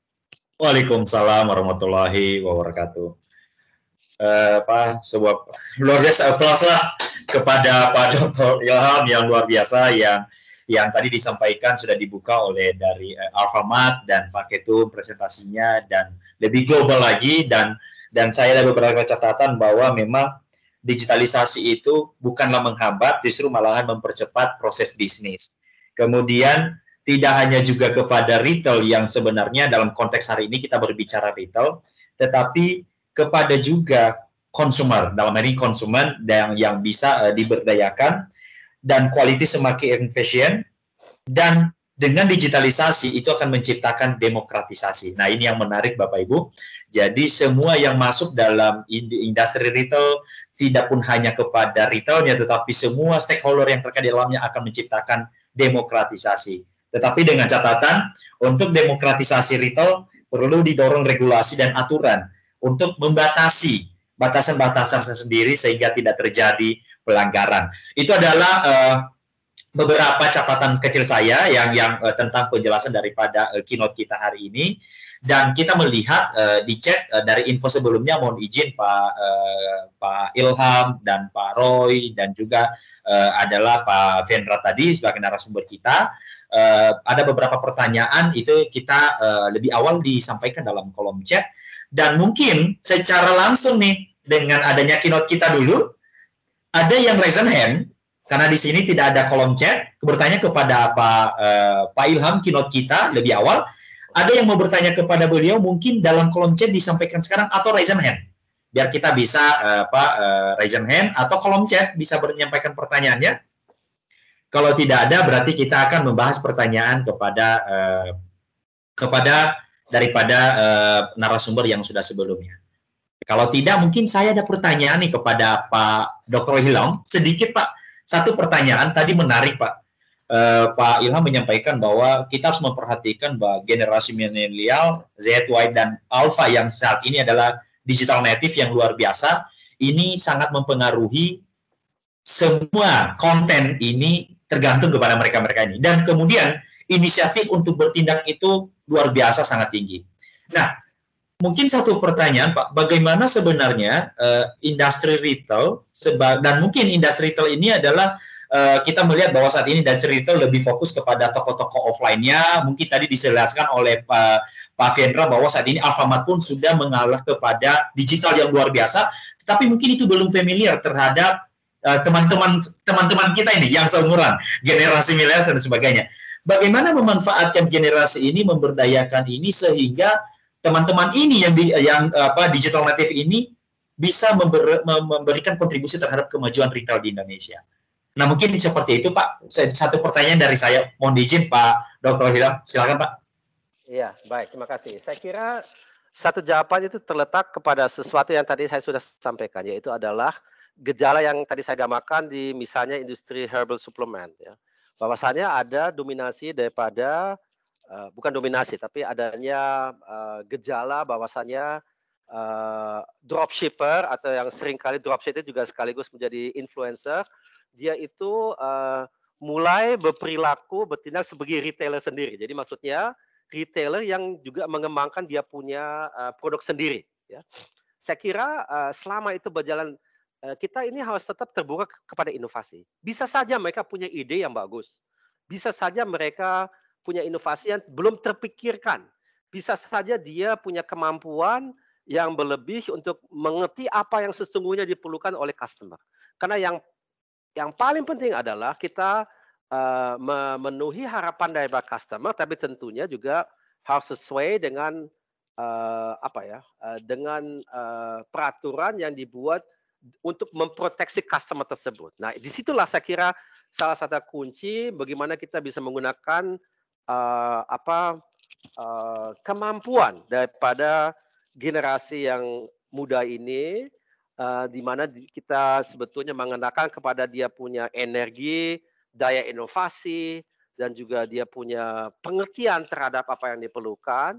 Uh, tapi di lain pihak kita juga harus mendidik mereka agar supaya mereka play along the games of the rule, the rules of the game. Ya, karena yang tadi saya sebutkan itu sangat nyata. Banyak di antara mereka itu karena mungkin entah dia tidak tahu atau dia eh, tertekan dengan adanya tekanan eh, komersial, dia mulai berinovasi dengan cara yang mungkin ya dalam bahasa uh, uh, agama itu tidak halal gitu ya. Jadi tidak itu itu harus dihindari karena itu tidak baik gitu ya. Jadi uh, karena uh, yang sebagai contoh tadi saya, saya yang saya berikan Misalnya ada slimming produk tapi dipasarkan itu sangat efektif padahal ada komponen yang mungkin dia tahu atau dia mengabaikan atau dia memang tidak tahu uh, itu dianggap dan sudah dites oleh uh, uh, BP POM kita atau uh, apa FDA di Amerika itu uh, membahayakan kalau digunakan secara long term bisa membuat uh, ginjal kita rusak dan sebagainya. Nah ini adalah satu hal yang menurut saya uh, harus kita imbangi. Jadi kekuatan mereka, daya inovasi mereka itu memang menjadi andalan kita. Saya kira itu bagus sekali. Namun demikian, eh, tidak semuanya secara otomatis berjalan ke arah yang benar. Karena human nature yang memang seperti itu. Kadang dia itu salah. Kadang itu dia ada tekanan yang memang mengharuskan mereka untuk mengambil jalan shortcut, uh, jalan pintas yang sebetulnya tidak legal dengan adanya alasan, tapi mereka tidak melihat itu seperti itu. Tapi yang menjadi korban siapa? Ya customer. Dan oleh karena itu, itulah yang harus kita jaga kalau menurut saya. Jadi banyak sekali hal itu terdidik di pendidikan. Yang kedua itu yang tadi saya juga sudah tekankan, pengawasan tidak perlu. Bahwasanya ada demokratisasi tidak berarti tidak ada rules. Demokratisasi itu juga selalu ada peraturan. Tidak ada demokratisasi tanpa batas. Harus ada batasnya dalam arti kata there are some very clear rules yang harus kita patuhi dan harus kita accept. Kalau kita tidak main dan sesuai dengan peraturan itu ya bubarlah yang namanya demokratisasi. Itu tidak bisa seperti itu. Saya kira itu mungkin main pointnya, Mas. Kurang lebih begitu. Baik, terima kasih penjabaran yang luar biasa. Jadi teman-teman saya ini yang yang masih milenial yang mungkin hadir di saat ini, gambaran penjelasannya seperti itu. Kita memang sangat berinovasi, tetapi tentu ada batasan rules yang harus tetap juga di, di uh, tetap diikuti. Nah, mohon izin Pak Dr. Ilham, Uh, ini kita sebenarnya sudah masuk dalam sesi diskusi dan waktunya juga juga sangat mepet kurang lebih ada 7 sampai 5 5 sampai 7 menit lagi. Jadi mohon izin uh, Pak uh, untuk keynote kita uh, saat ini tidak ada lagi pertanyaan dan kita akan masuk ke sesi ada pertanyaan kepada narasumber yang lain. Mohon izin. Baik. Saya pamit dulu kalau gitu Pak, saya pamit dulu. Baik, terima kasih. Siap, terima kasih. Sampai jumpa. Sampai jumpa, terima kasih Pak. Assalamualaikum Pak. Waalaikumsalam.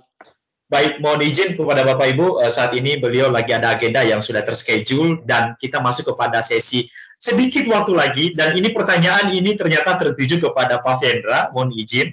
Pertanyaannya cukup-cukup sangat teknis Pak, uh, ini yang berkaitan dengan tema kita saja. Ada dua pertanyaan ini dari dari Nina, mungkin cukup singkat dijawab Pak. Uh, untuk Alfamart, apakah bisa dibuat sistem di Alfamin sehingga customer yang akan beli barang di toko pribadi atau virtual Alfamin bisa langsung masuk ke toko masing-masing. Jadi tidak harus share satu produk, misalnya membeli langganan Alfamin, cukup dengan ketik key number HP pemilih dari Alfamin dan bisa langsung melihat semua produknya. Yang kedua, bisa nggak tidak sistem promosi produk di toko Alfamart disamakan dengan toko Alfamin? Nah, terima kasih. Mungkin itu Pak sedikit tanggapannya. Saya persilakan pada Pak Mendan, silakan Pak. Ya, terima kasih Mas Emo. Ini sepertinya mungkin pertanyaan langsung dari store ownernya memang sudah bergabung dengan Alfamain juga nih Oke, okay. oke okay, Pak. Jadi memang uh, kita bisa update bahwa beberapa uh, masukan tadi kita sedang lakukan pengembangan dan nanti ke depan uh, kita akan lakukan seperti itu di mana uh, kita bisa promosi harga dari promonya barang-barang Alfamart itu bisa juga dinikmati oleh di Alfamain. Juga begitu juga untuk yang poin pertama tadi uh, pengembangan uh, Alfamain yang ke depannya. Tadi seperti ya apa yang tadi masuk masuk artinya masuk personal kepada langsung ke toko-tokonya dari masing-masing store owner Alfamart. Alfamain. Itu Mas Memo. Baik, cukup. Ya. Baik. Terima kasih kepada Bapak Ibu yang bertanya. Di sini ada pertanyaan-pertanyaan yang uh, seperti misalnya ini dari Pak Sumarjo biasanya pakai kurasi kemasan produk yang terdiri dari 13 komponen, misalnya PRT, halal merek. Nah, Bapak Ibu, minggu depan itu kita akan membahas ini. Jadi Pak Sumarjo Healthy dalam apa account Sumarti Healthy tetap stay tune minggu depan kita akan membahas ini. Jadi uh, setiap uh, makanya stay tune ikutilah uh, apa media sosial kita Hari Retail Nasional, cek websitenya dan kemudian uh, pelaksanaan ini akan berseris yang tadi disampaikan oleh welcoming speaker kita Wakil Ketua Umum Perindo Bapak Jimmy Gani bahwa akan ada seri-series ke depan yang mana tema-temanya itu akan berbeda. Ya, jadi uh, mungkin ada satu pertanyaan lagi Pak Vendra, ternyata Pak Vendra ini ada cukup singkat Pak. Waduh, ini teknis pertanyaannya Apakah untuk analisa data sudah menggunakan teknologi AI, artificial intelligence di toko-toko untuk mengamati perilaku pengunjung, Pak? Wah, itu satu. Yang kedua, bagaimana dukungan organisasi IT? Apakah ada khusus organisasi IT untuk digital bisnis? Dan yang ketiga, apakah sistem informasi yang digunakan sudah integrasi back end dan front end dalam satu ERP? Ini pertanyaan IT banget, Pak. Iya. Mohon tanggapan sedikit. ya, Pak Beno. Ya, terima kasih pertanyaannya. Siapa? Jadi kalau bicara dengan AI, artificial intelligence, sampai dengan sekarang kita yang baru lakukan adalah baru dari data yang ada, baik itu data yang kami kumpulkan dari apa transaksi transaksional yang ada dari Alphagate dan juga dari membernya Alfamart, dari member Ponta, Uh, kalau untuk yang dari physical store-nya kita memang belum lakukan, tetapi itu mungkin saja kita lakukan, terutama nanti bisa kita pakai dari uh, digital kios kami yang ada saat ini, yang tadi saya sampaikan ada 2000, baru ada 2000, itu bisa karena di sana juga ada ada apa namanya ada kamera, nanti kita bisa lakukan interaksi sehingga kita tahu bagaimana profil customer masuk ke arah mana segala macam itu mungkin kita bisa bisa bisa lakukan dari sana. Tapi terus terang kita belum melakukan kembangan untuk yang di dalam toko. Jadi artificial intelligence hanya by data saja sekarang. Mungkin itu yang baru uh, poin pertama. Kalau untuk IT yang pertanyaan kedua, betul Pak, karena kita fokus kepada digital, IT-nya pun kami sudah terpisah. Ada IT yang uh, apa namanya, yang handle untuk offline, tapi juga kami ada fokus punya IT sendiri untuk yang berbicara mengenai digital. Jadi memang sudah terpisah uh, apa uh, divisi IT-nya. Eh divisinya satu tapi personal orangnya dedicated yang terpisah berbeda. Lalu yang terakhir bicara mengenai sistem ERP, kami sudah terintegrasi baik back uh, back end apa sampai ke dalam ke uh, front end-nya sampai ke toko TOS-nya itu sudah terintegrasi uh, eh, ERP-nya tapi kami menggunakan in-house sendiri, jadi tidak menggunakan uh, aplikasi dari atau dari luar. Memang kami develop sendiri karena banyak sekali hal-hal yang customize uh, banget di Alfamart sehingga perlu di uh, develop secara in-house. Gitu Mas Memo. Baik, terima kasih Pak Vendra yang sudah menanggapi. Mohon izin Bapak Ibu di sini ada banyak pertanyaan sebenarnya yang uh, menurut kita sudah lewat didiskusikan dan belum didiskusikan. Oleh karena itu, Bapak Ibu, uh, ke depan kita akan ada series ketiga, empat sampai kurang lebih 10 series. Kita akan membahas tentang digitalisasi, branding, dan uh, banyak pertanyaan sebenarnya minggu lalu sudah kita diskusikan di webinar tanggal 4 November. Bagaimana sih sebenarnya uh, peran UMKM masuk kepada toko retail? Waktu itu pembicaranya daripada uh, Alfa apa uh, Alfamart dan uh, Ramayana Group. Jadi Bapak Ibu, sekali lagi stay tune karena ke depan akan banyak materi-materi kita akan ada dari Gojek, dari Microsoft, dan ada dari brand-brand UMKM bisa kenapa UMKM itu bisa go global, go internasional. Stay tune Bapak Ibu, tetap uh, ikuti progresnya dan saya rasa pastikan jangan sampai terlewat. Dan karena juga waktu sangat dibatasi, mohon maaf sekali kepada Bapak Ibu yang sudah bertanya, tidak semuanya kita uh, jawab karena waktunya kita sangat seret terhadap waktu karena di jam 12 sudah selesai. Maka dua menit lagi saya akan memberikan catatan catatan penting daripada speaker kita hari ini dan keynote kita. Dari Pak Fiendra tadi menjelaskan bahwa memang inovasi dalam proses bisnis itu sangat perlu.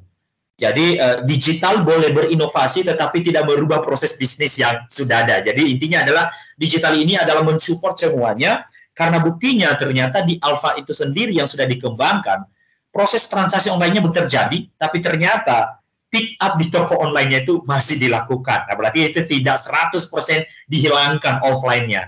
Kemudian transaksi online harus menjadi salah satu uh, Pak digitalisasi yang mungkin tidak hanya di Alfamart tetapi semua pelaku retail stakeholder yang terkandung dalamnya itu semuanya uh, apa uh, wajib untuk inovasi. Dan hal ini juga disambung oleh tadi pembicara kita kedua, Pak Ketum kita, Pak Roy Nicholas Mande menjelaskan bahwa harus retail siap melakukan perubahan. Dan paling penting stakeholder yang sangat-sangat penting dan tema Hari Retail Nasional 2021 ini kita angkat adalah UMKM perlu digitalisasi dalam rangka menjangkau pasar yang lebih luas. Internet menjadi satu kewajiban untuk difungsikan. Dan tadi lebih luas lagi dijelaskan oleh keynote kita Pak Dr. Ilham Habibie menjelaskan bahwa digitalisasi mendorong proses bisnis dan juga mendorong pemberdayaan terhadap konsumen. Quality semakin efisien dengan digitalisasi dan dapat menciptakan demokratisasi retail. Siapa pun dalam digitalisasi boleh mensupport semuanya, bahkan generasi milenial yang saat ini menjadi digital native, tetapi harus ada aturan batasan agar tidak terjadinya pelanggaran di dalam hal implementasi ini semuanya. Maka Bapak Ibu, dari closing ini semuanya, maka dari tema yang kita diskusikan bahwa sudah saatnya semuanya pelaku retail UMKM harus inovasi terhadap digitalisasi dan terbuka untuk hal itu, manfaatkan kompetensi yang ada dan paling penting juga adalah lakukan pendidikan terhadap semua orang, konsumen, pelanggan dan yang terkait semuanya untuk bisa semuanya bisa berjalan dengan baik. Jadi sebelum saya akhiri, kita ucapkan terima kasih kepada uh, para narasumber kita, terutama tadi yang membuka acara, Pak Jimmy Gani, uh, Wakil Ketua Umum DPP Aprindo, dan uh, panelis kita, Pak Ketua Umum Aprindo, Pak Roy Nicholas Mande, dan uh, speaker kedua ada Pak Fiendra, yang luar biasa dari Alfamart. Terima kasih uh, Bapak-bapak semuanya. Dan sekali lagi kepada Bapak Ibu semuanya jangan terlewatkan pertanyaan tadi ini akan banyak kita diskusikan di series ketiga, empat, lima dan keenam. Jadi karena waktu sudah selesai maka mau, boleh. Ya, boleh. silakan, Pak. Boleh satu, satu menit saya silakan ya ya Siap, silakan, ya sebelum ditutup oleh host yang luar biasa kepada para partisipan ini saya akan share uh, satu menit saja uh, satu sampai dua menit mengenai apa yang relevansi atau bagian yang dapat uh, dilihat setelah mengikuti webinar ini. Jadi ini ada satu uh, yang menarik yang dapat kita ketahui atau ikuti yaitu Aprindo bersama Microsoft Indonesia melakukan kolaborasi. Terlihat ya, uh, apa Pak Memo? Siap terlihat Pak. Terlihat Pak. Aprindo dan Microsoft berkolaborasi untuk membuat panduan retail dan UMKM modern Indonesia. Silakan di-download atau silakan masuk ke website www.retailmodernindonesia.com. Nanti akan keluar slide-nya seperti ini.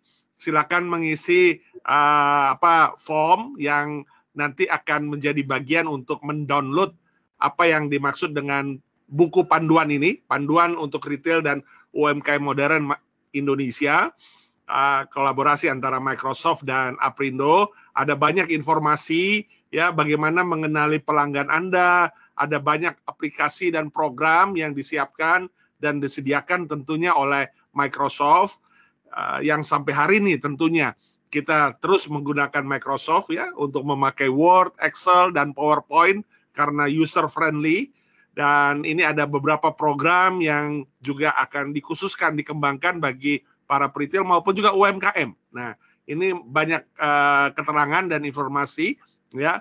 Ini contohnya program Kiskus ya menyatukan semua media, media komunikasi dalam satu platform untuk berinteraksi dan meningkatkan pelayanan ke pelanggan.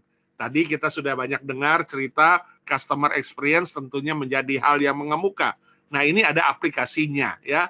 Kemudian juga berbagai macam program yang tentunya dapat dilihat di microsite ini atau di book uh, website yang dapat di-download dan dapat dimiliki oleh setiap kita partisipan yang hadir pada siang hari ini. Jadi silakan masuk ke hari uh, dalam rangka Hari Retail Nasional kerjasama Microsoft dan Aprindo www.retailmodernindonesia.com. Dapatkan informasi detail, jelas, dan juga tentunya berharap ini akan dilanjutkan pada webinar-webinar berikutnya. Ya, terima kasih Pak Memo. Saya kembalikan. Baik, terima kasih Pak Ketua Umum kita. Dan uh, info tadi yang terakhir disampaikan oleh Pak Ketua Umum kita bahwa silakan kunjungi linknya di www.retailmodernindonesia.com. Itu saja webinar kita hari ini dan terus stay tune untuk mengikuti webinar-webinar selanjutnya. Kita ucapkan terima kasih semuanya kepada para narasumber kita. Terima kasih dan kami akhiri wabillahi taufiq hidayah. Wassalamualaikum warahmatullahi wabarakatuh. Selamat siang semuanya. Selamat siang. Terima kasih. Terima kasih Pak Rom, Pak Jimmy, Pak Vendra. Terima kasih Pak. Terima kasih Pak Memo.